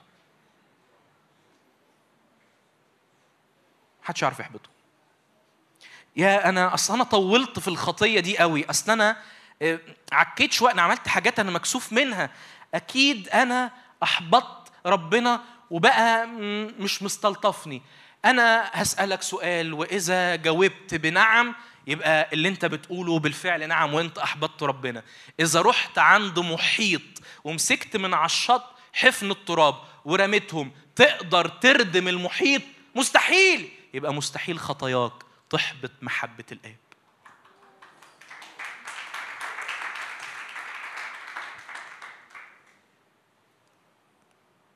الآب نفسه يحبكم.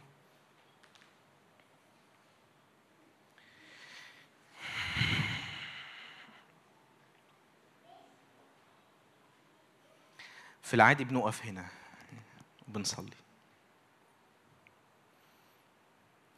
بس في حتة عايز أحطها واقبلوها مني في المحبة. أمين؟ تحبوا تعرفوا من كلمة الله. إيه اللي ممكن يلخبط كل ده؟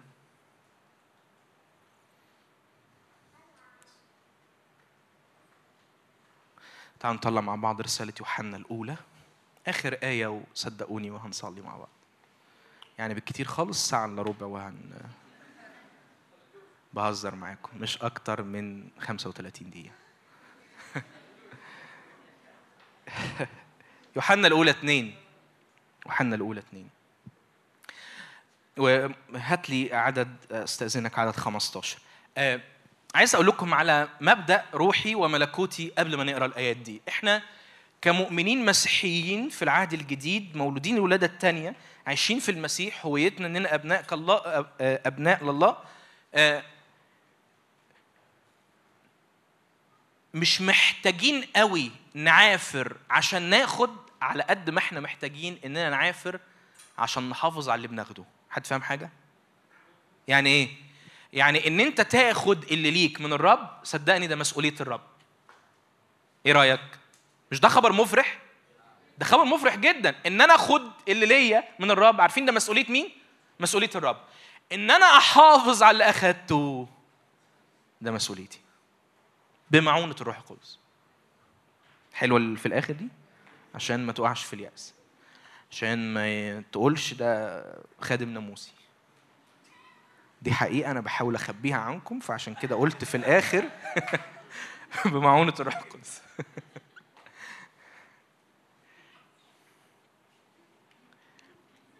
أنا أنا جبت منين الكلام اللي أنا بقوله لك ده؟ لما تقرا لما تقرأ لقى 8 فتقرأ مثل الزارع على سبيل المثال وتتعامل مع كلمة الله هنا على إنها نعمة مش الكلمة نعمة برضو رب بيديها فتلقى إنه الزارع خرج ليزرع هو اللي خرج وهو اللي رمى الإيه؟ البذار، الأرض ليها دور؟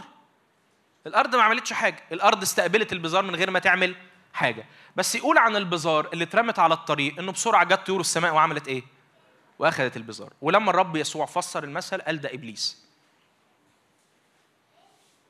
فصحيح إحنا بنسأل وبنطلب وبنقول للرب ادينا بس أسهل حاجة إن الرب يستجيب ويعمل إيه؟ ويديك. ده أمر مضمون هو وعد وقال اسألوا تعطوا اطلبوا تجدوا اقرعوا يفتح لكم. مسؤوليتنا الحقيقية إن إحنا نعرف نعمل إيه؟ نحافظ على اللي أخدناه. فاسمعني تطبيقا للمبدأ ده. إني أنال البنوة أنا عملت حاجة عشان أنال البنوة؟ أنا يا دوبك قبلت جميع الذين قبلوا. أعطاهم سلطان أن يصيروا أولاد الله. أنا كل اللي عملته إن أنا إيه؟ فتحت بقي. وهو اداني وأكلني وشربني و... أنا قبلت.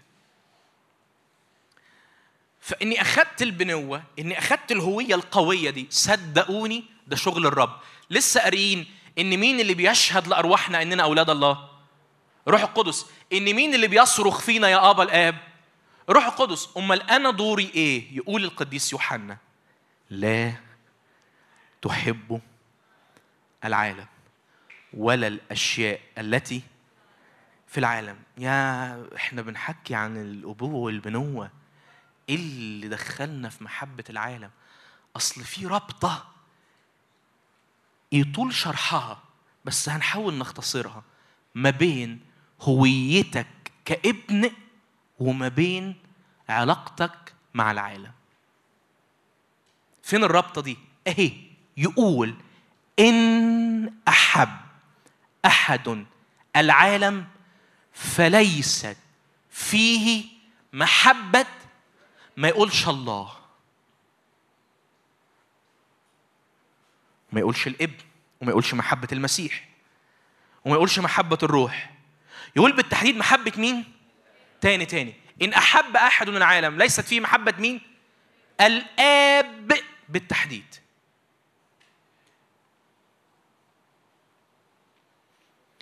ليه ليه؟ والكلام ده معناه إيه؟ القديس يعقوب يقول مبدأ خطير جدا في إصحاح اتنين في رسالته يقول لأن محبة العالم عداوة لله تاني محبة العالم عداوة لله إيه هو العالم؟ العالم مش الناس اللي حوالينا لكن العالم هو النظام الروحي اللي بيحكم العالم اللي بيرأسه إبليس اللي بيطلع ثقافة ومبادئ وأفكار وأسلوب حياة عنده رفض لله ومقاومة ليه. تاني تاني تاني تاني تاني. إيه هو العالم؟ العالم مش الناس اللي عايشين حوالينا العالم هو النظام الروحي اللي بيحكم البشر اللي حوالينا. العالم هو النظام اللي بيطلع مبادئ أفكار أنواع من الفنون أنواع من السينما أنواع من الأغاني أنواع من الكتابات ثقافة أسلوب معيشة فيها رفض لله ومش بس رفض. ها؟ مقاومة ليه؟ يعني إحنا مش عايزينك وكمان عايزين نشتغل إيه؟ ضدك. ده اسمه الايه؟ العالم. حلو. العالم ده بيظهر في إيه؟ قلنا بيظهر في اسلوب حياة الناس اللي خاضعين لسلطان الظلمة افكارهم مبادئهم الشريرة حبهم للخطية جريانهم ورا الفلوس السلطة النجاسه دول الثلاث أعمدة الكبار بتوع النظام الروحي ده. الفلوس حب المال حب السلطة والسيادة والنجاسه ماله العالم ده بقى؟ العالم ده قلنا إنه نوع من الوجود رافض لله وايه كمان؟ مقاوم ليه؟ قولوا معايا رافض لله وايه حلو قوي. لما باجي أروح للعالم ده وأقول له آه صحيح أنا اتولدت الولادة الثانية بس مخبيش عليك الحتة اللي هناك فيك دي بتعجبني. لما بروح للعالم وأقول له إيه؟ صحيح أنا اتولدت الولادة الثانية بس بصراحة أنا بنبهر بالرموز بتاعتك. الشخصيات الكبيرة بتاعتك اللي انت بتمجدها وبتظهر فيها كل جبروتك وكل شرورك أنا بنبهر بيهم وبتفاهتهم وبشرهم وبنجاستهم زي أولاد العالم بالظبط. لما بروح أقول للعالم هات إيدك في إيدي صحيح أنا اتولدت الولاده الثانية بس أحب إنه في الركن ده من حياتي أعيش بأسلوب حياة زي ده. في طريقة تفكيري يمكن يكون في طريقة لبسي يمكن يكون في شكلي يمكن يكون في مبادئي في العلاقات يمكن يكون في نظرتي للجنس يمكن يكون في نوع الفنون أو الحاجات اللي بتتقري اللي بختارها. أنا اخترت إن في ركن معين من حياتي أبقى معجب بحتة من العالم وأعمل إيه؟ أستوردها وأحطها عندي. إيه المشكلة هنا؟ هو ربنا أمم أنت لسه قايل لنا ربنا محبته كبيرة قوي هيزعل من دي؟ الفكرة مش إنه ربنا زعل من دي الفكرة إنه النظام الروحي اللي أنت استدعيته لحياتك هو نظام معادي لله. فبينقل لك العداوة دي. ولأنك بتحط إيدك في إيده فأنت أصبحت معادي لمين؟ أوه. ولأنك أصبحت حاطط إيدك في إيد النظام المعادي لله. اسمعني في اللي هقوله ده. كل خطوة بتاخدها ناحية العالم هي خطوة أبعد عن المجال الروحي اللي بتعرف تستقبل فيه محبة الآب للابن فكل خطوة أقرب للعالم خطوة أبعد مش عن الرب خطوة أبعد عن المكانة الحالة الهوية اللي بتستعلن فيها محبة الآب ليك فتبقى إن أحب أحد العالم. كملوا. قولوا. ليست فيه محبة الآب. مش ما قالش إن أحب أحد العالم يبقى الآب مش بيحبه صح؟ لكن قال إيه؟ المحبة دي موجودة بس بقيت مش فيه. ليه؟ هل الآب هو اللي سحبها؟ لا هو اللي انسحب منها.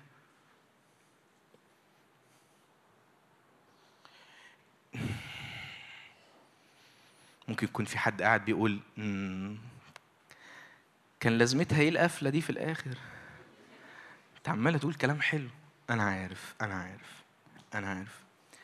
بس بس يعني أنا حاولت أحط الجرعة كاملة. فيها النعمة وفيها مسؤوليتي. لأني بشوف كتير. وساعات أنا كنت بعمل كده. أنا في جزء من يومي. أنت بابا أنا بحبك أسكب عليا محبتك. وفي ركن تاني من حياتي أنت العالم الشرير. بس أنا معجب بيك خالص. هات إيدك في إيدي. إيه ده؟ ال- الرموز بتاعتك بتلبس كده؟ ممكن ألبس زيهم. الرموز بتاعتك بتتكلم كده ممكن أتكلم زيهم. الرموز بتاعتك بتشوف العلاقات كده ممكن أشوف العلاقات زيهم. الرموز بتاعتك بتبص للجنس كده ممكن أبص له زيهم. الرموز بتاعتك بتبص للمال كده ممكن أشوف المال زي ما هم بيشوفوه. الرموز بتاعتك بتتكلم كده بتعمل كده بتتصرف كده ممكن أبقى شبهك في الحتة الصغننة بس دي من حياتي والباقي كله للرب. أيوه هو الموضوع مش الحتة اللي دخلت حجمها قد إيه. المشكلة إنها دخلت النظام اخترقك. فقلق نفسي في الآخر إيه إيه ال ال ال ال آه، اخرام الحق مش شغال ليه؟ فين؟ ما أنت كل اللي أنت بتقوله أهو أنا عمال أصلي أنا بقرأ ده أنا مصدق ده أنا مصدق أنت قلت نفهم ونصدق. أنا فهمت وصدقت قد عرفنا وصدقنا المحبة. فين المشكلة؟ المشكلة إنه في كمالة. إن احب أحد العالم ليست فيه محبة الآب. فمشكلتنا إننا في أوقات في أجزاء من حياتنا بنقف في المكان ده نستمد الجرأة والقوة دي من الهوية دي وبعدين نخرج للمواجهات الروحية ضد العالم ورئيس هذا العالم. ففجأة نلقى الجرأة دي بتتسحب مننا. ليه؟ لأن اللي إحنا بنواجهه أصلا إحنا شاريين من بضاعته. هتفهم حاجة؟ في مرة الرب شاور لي على حاجة في حياتي وقال لي رامي ما ينفعش تجيب حد من ولادك من عند تاجر انت نفسك بتشتري منه. هتفهم حاجة؟ يعني لو أنا عرفت إنه ابني يعني بيشتري مخدرات ف يعني سمعت عنه ورحت قفشته وهو واقف مع الديلر. تعالى يا ولد إيه اللي أنت بتعمله ده؟ فالديلر هيقول لي إيه ده؟ أستاذ رامي. ده فيقول لي ابني إيه؟ أنت عارف أبوك جه هنا بسرعة أصلا ليه؟ أصله متعود ده زبون عندي. ساعتها هيبقى عندي جرأة. جاوبوني عندي جرأة عندي شجاعة عندي حق. ساعتها حقي موجود لكن مش قادر أستغله. ليه؟ لأن أنا مشتري من هنا. ليه أولاد الله بيعرفوا كل الحق ده وبيصدقوه وما زلنا بنشوف في نفسنا ضعف خوف اهتزاز هوية بتبهت مش بتلمع. ليه؟ ليه؟ ليه؟ لأنه من ناحية إحنا بنعبد إحنا بنسبح إحنا بنقرأ الكلمة إحنا بنصلي إحنا بنستقبل ثبات للهوية دي. ومن الناحية الثانية بنروح للعالم نحط إيدينا في إيديه نشتري من بضاعته. فإن أحب أحد العالم بيسحب نفسه بره مجال اختبار محبة الآب. وبره مجال اختبار محبة الآب الهويه بتتهز.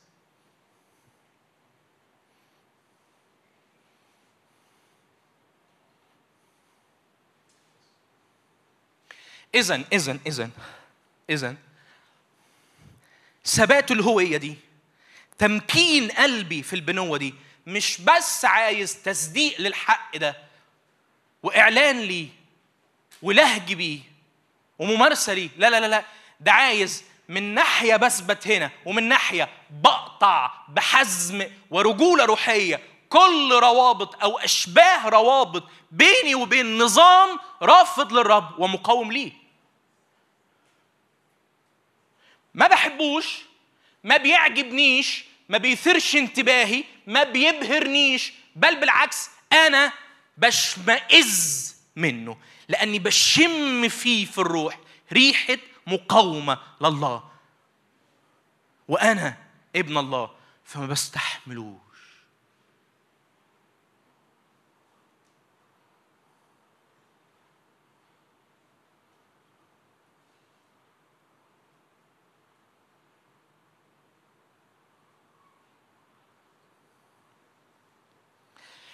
ده معنى الجملة اللي بنسمعها على طول آه، آه، إنه سلطانك ها من أو على قد انفصالك. حد سمع الجملة دي قبل كده؟ سلطانك اللي طالع من الهوية بتاعتك بيثبت وبيمكن على قد ما أنت هو طالع من الهوية بس محتاج يمكن بالإيه؟ انفصال. العالم ملوش فيه حاجة. يسوع قال كده لا أتكلم معكم أيضا كثيرا لأن رئيس هذا العالم يأتي. كملوا. وليس له في شيء اللي يثبتني في البنوة. إني أقول مع يسوع رئيس هذا العالم يأتي منين ما يأتي لا كان ولا هيكون لي فيا أي شيء. فمن فضلك من فضلك إذا الروح القدس واجهك دلوقتي بحاجات أنت حطيت إيدك في إيد العالم فيها ارمي بسرعة لأن اللي أنت بتاخده في حياتك ده هو اللي بيضعفك. لأن اللي أنت بتقبليه في شخصيتك من النظام الروح الشرير ده هو اللي بيبهت هويتك. عارفين شمشون ودليلة؟ امم كده باختصار وضحت. شمشون شمشون رمز البنوة وقوة الهوية. بس لما يروح غزة برجليه وينام على ركبة دليلة ويشرب من خمرها شمشون هو شمشون صح؟ بس مين اللي أضعف شمشون؟ شمشون لأنه سلم نفسه لمين؟ لأعدائه لما أعطى سره لما أعطى سره لدليلة وحلقت له لما جم عليه الفلسطينيين قام زي كل مرة بس كده بيقول جملة صعبة ولم يعلم أن الرب قد فارقه صحيح أنا الرب مش بيفارقني زي ما حصل بين روح الرب وشمشون. بس أنا اللي بنسحب بعيد عن مجال إدراك واستقبال وتمتع بمحبته الأبوية. لما بروح برجليا لدليلة. الله بيوقفك قدامه النهارده وبيقول لك صدق عيش استمتع بالحق. بس من الناحية التانية اوعى تحتفظ في حياتك. ولو بشيء صغير قوي من إنتاج مصانع شرور العالم. اوعى تحتفظي في قلبك في تفكيرك في علاقاتك في بيتك في زواجك في موبايلك في ذاكرتك. بشيء ولو صغير من إنتاج العالم. لأن العالم وضع في الشرير والشرير بقى تحت رجليك لأنك بقيت ابن. فعيب قوي لما تنزل تجيب حاجات من تحت رجليك. محدش بيجيب حاجة من تحت رجليه إلا لو كانت زبالة. مفيش تحت رجلينا إلا آسف التعبير الزبالة. رئيس هذا العالم اتقال عنه إله السلام يسحق الشيطان تحت أرجلكم سريعا. اتقال عنه إنه مخضع تحت رجلين المسيح وأنت في المسيح. فأوعى تضعف نفسك بنفسك بإنك تميل تجيب من تحت رجليك. خلي عينيك لفوق. فتفضل راسك مرفوع لفوق. ما توطيش. ما توطيش. أمين؟ تعالوا نقف نصلي. هللويا.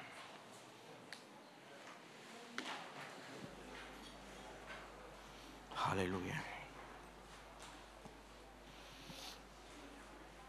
هللويا.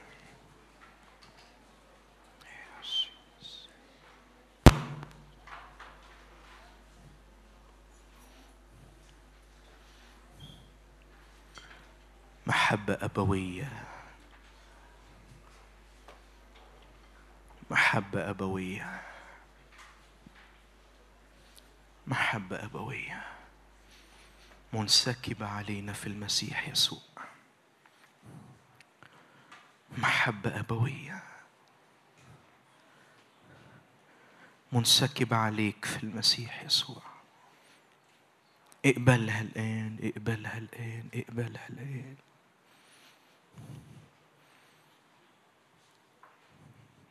إحنا واقفين في الابن بضمير الابن بوعي الابن بتصديق الابن بسلطان الابن بجرأة الابن باتضاع الابن بوداعة الابن بقداسة الابن بطهارة الابن في حكمة الابن. ارفع إيدك وقول أنا في الابن. ارفع إيدك وقول أنا في الابن. أنا في المسيح. أنا ابن لله. نلت التبني بيسوع المسيح للآب. خدت نفس موقف وموقع الابن من الآب. أخدت التبني نعمة. أقول لرب شكرا. شكرا. شكرا. شكرا. واحدة من الحاجات اللي بتعزز العطية إنك تشكري عليها. نفسي في اللحظات دي نرفع إيدينا للرب ونقول له شكرا على عطية التبني.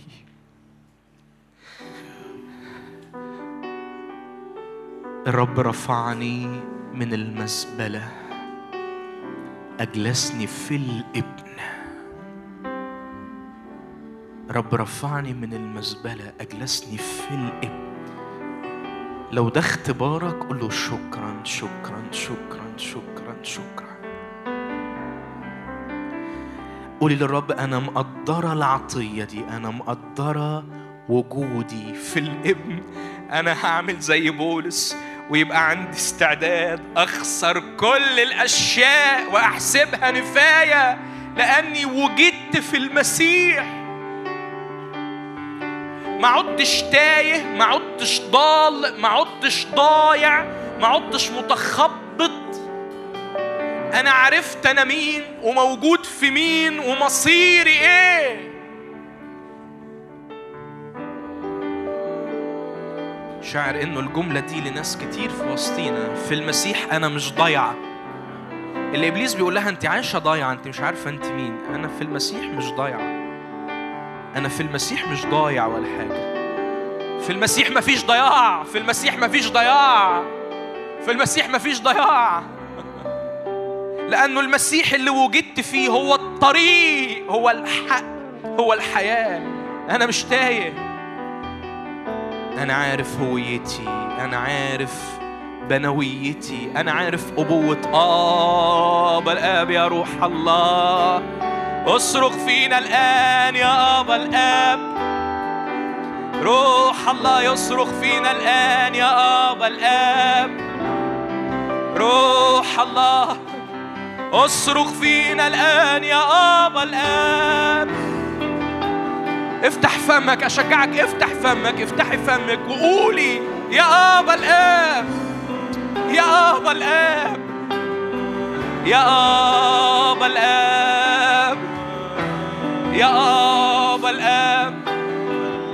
يا ابا الآب يا ابا الآب. وأنت بتقول له يا آبا تلقى نفسك في حضنه. عينيك تتفتح على أبوته. عينيك تتفتح على عطفه على قبوله. يا ابا الآب يا ابا الآب.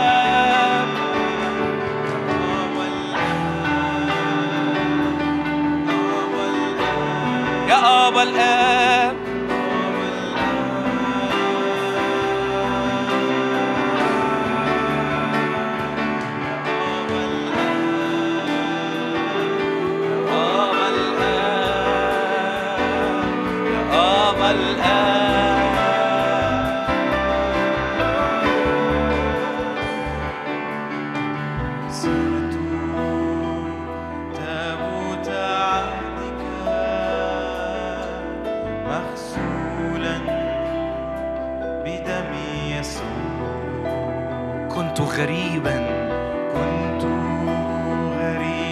صرت ابنك.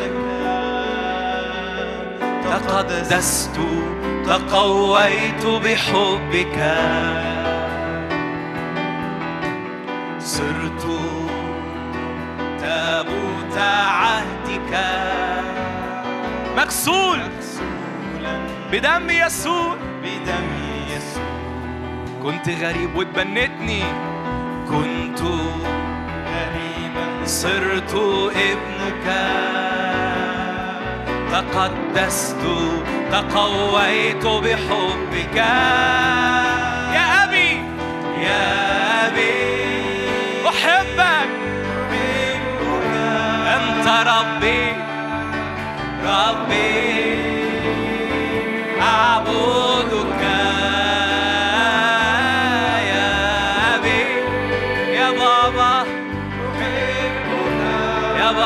السماوي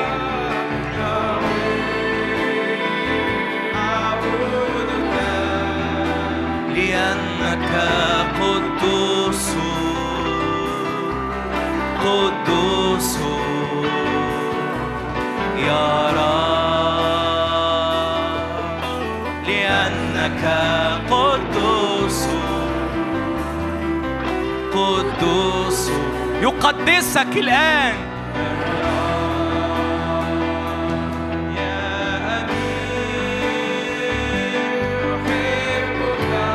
اصرخ فينا يا روح الله. اشهد لأرواحنا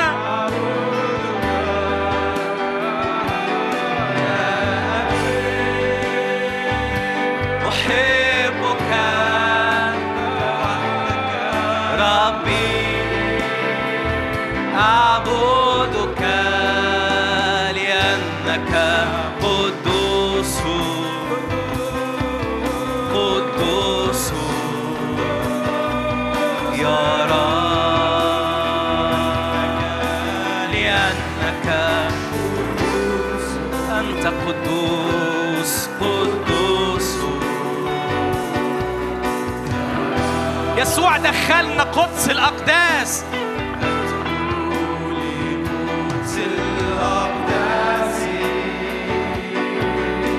دخلت بدم الحمام. جئت أختبر نار المحبة الإلهية اشعلها يا رب فينا الآن.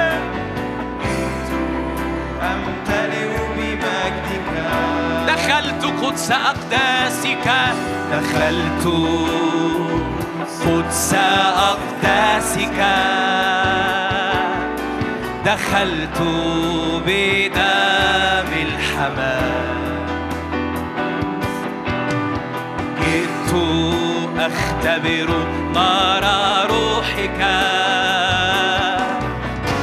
جئت أمتلئ بمجدك.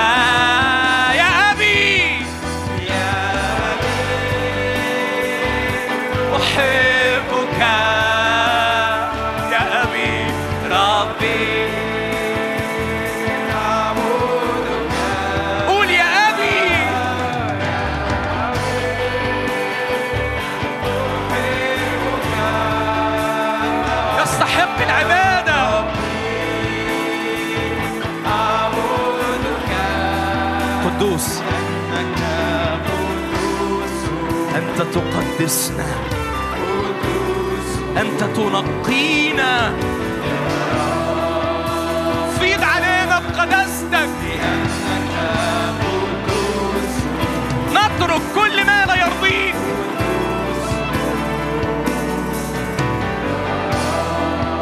صرت تابوت عهدك.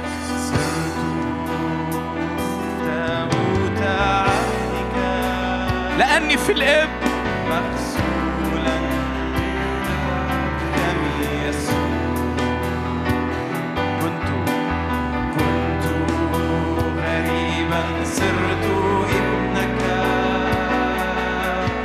تقدست تقويت بحبك.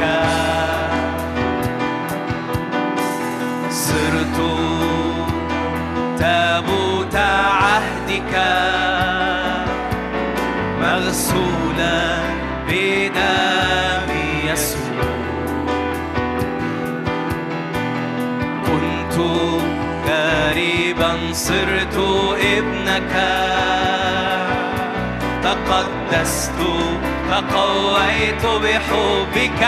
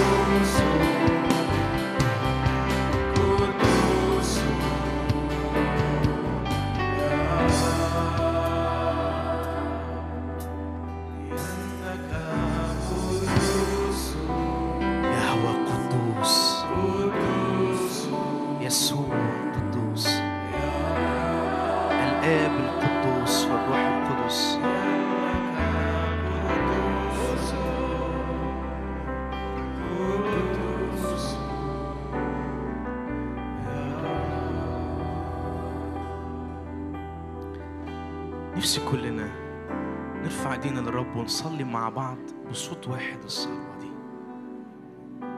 قول يا رب بصدق أبوتك بصدق أبوتك بكل عظمتها بكل مجدها بصدق إنها أبوة حقيقية.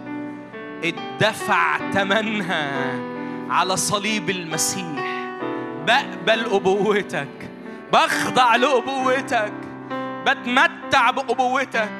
بحط نفسي بعمل الروح القدس في مجال استقبال محبتك.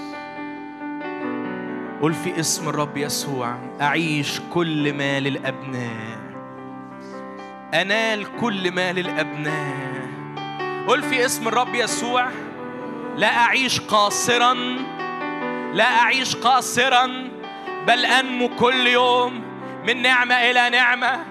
أنتقل من مجد إلى مجد فأنال ميراثي لا أفقد ميراثي لا أخسر ميراثي.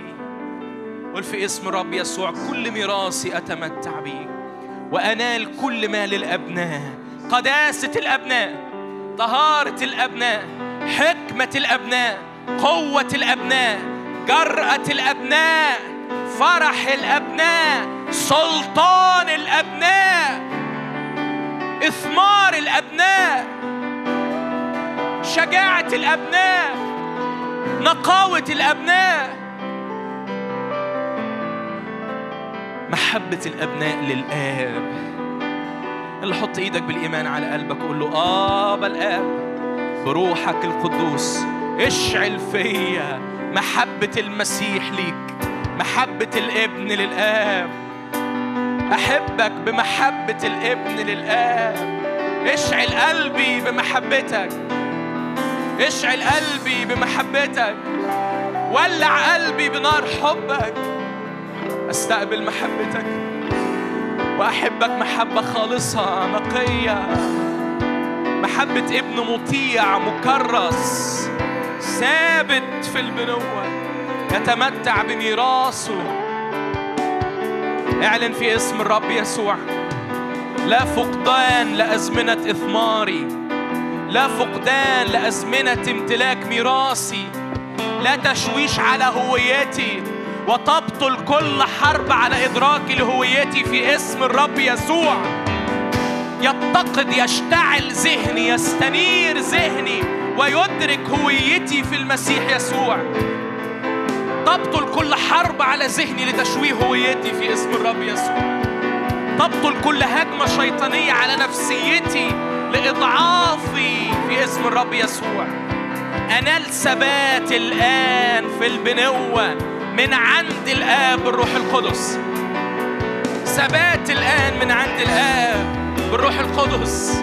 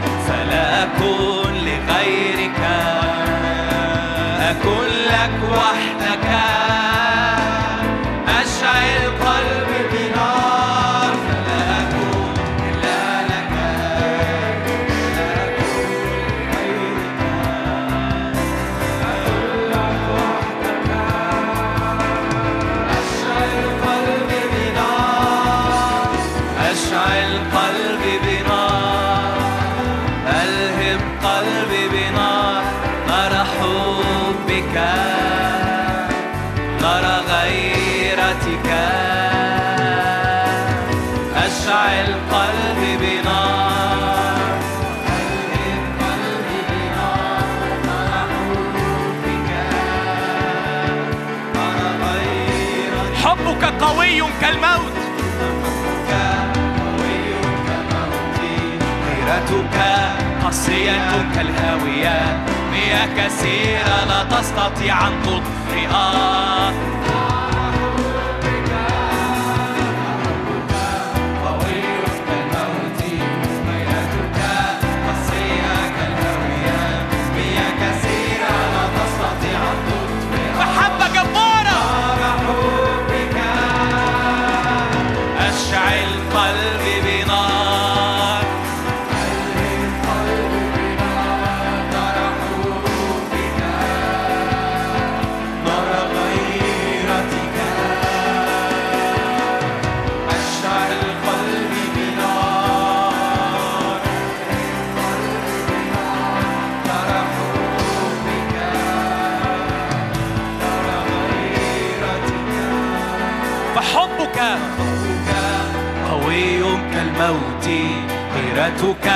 قاسية كالهاوية مياه كثيرة لا تستطيع أن تطفئها.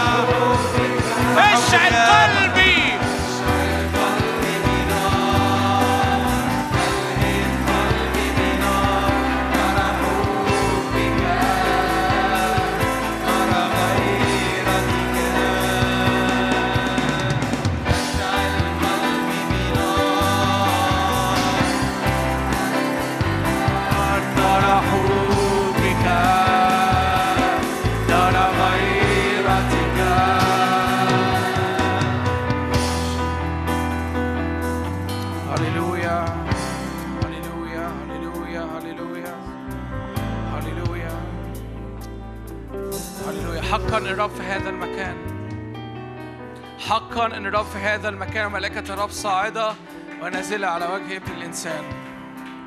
أؤمن جدا إنه في حركة سماوية حاصلة في وسطينا من بداية الاجتماع. حتى وإحنا في اللحظات الأخيرة دي من الاجتماع ارفع إيمانك لأنه في نقلة لأنه في نعمة خاصة بتنسكب علينا النهارده. هللويا. هللويا هللويا هللويا. كأني شاعر كده المدة الوقت اللي فات كده إبليس كان بيحارب كثيرين منا زي ما رامي كان بيقول كده إنه أنا بسلك بالإيمان أنا عايش عارف إن أنا ابن أنا عارف إن أنا بحاول أعمل حاجات كتيرة بس كأنه في حتة ناقصة في حتة مش بتخلص للآخر. فلو أنت شاعر كده أنا أنا بشجعك ارفع إيدك كده صلي معايا الصلوة الأخيرة دي وإحنا بنختم الاجتماع قول يا رب لا أرجع إلى الوراء في اسم الرب يسوع. كل أمور أطلقت النهارده على حياتي لا أرجع إلى الوراء في اسم الرب يسوع. يا رب أنا بصدق معاك أنا بصدق مع الحق أنا بصدق في المحبة الكاملة اللي ليا في يسوع. هللويا. بكرة مش زي امبارح بكرة مش زي النهارده في اسم الرب يسوع. مواجهات بكرة مش زي مواجهات امبارح في اسم الرب يسوع. ارفع إيمانك كده قول يا رب أنا مصدق إن مواجهاتي مختلفة. أنا مصدق إن المواجهات اللي بتحصل في حياتي الأزمنة اللي جاية مختلفة تماما عن اللي كانت بتحصل في الأزمنة اللي فاتت. هللويا هللويا هللويا هللويا. أنا بواجه من حتة مختلفة. ارفع إيدك كده معايا. قول يا رب أنا بعلن إيماني إني أنت بتعدل البوزيشننج بتاعي. أنت بتعدل الحتة اللي أنا واقف فيها. فمواجهاتي بغلب من حتة مختلفة. بدخل وبتحرك من موضع الابن بالكامل بالكامل. هللويا هللويا هللويا هللويا. هللويا هللويا هللويا. اعلن كده معايا إن مواجهاتك مواجهات ابن وارث. مش مواجهات ابن قاصر ولا مواجهات عبد في اسم الرب يسوع. مواجهاتك بتخلصها من هذا المكان اللي فيه بتصرخ يا أبا الآب من قدام العرش. هللويا. هللويا هللويا هللويا هللويا هللويا. هللويا هللويا افتح إيدك كده قول يا رب املى املى املى املى جعبتي بنعمة املى قلبي بنعمة املى روحي بنعمة املى ذهني بنعمة للنقلة دي. هللويا هللويا هللويا فتغير إلى تلك الصورة عينها من مجد إلى مجد. هللويا بنحبك يا رب بنحبك جدا بنبارك اسمك. أنت عال ومرتفع في وسطنا. أنت مستحق أن تأخذ الكرامة والمجد القدرة والغنى إلى أبد الآبدين. آمين.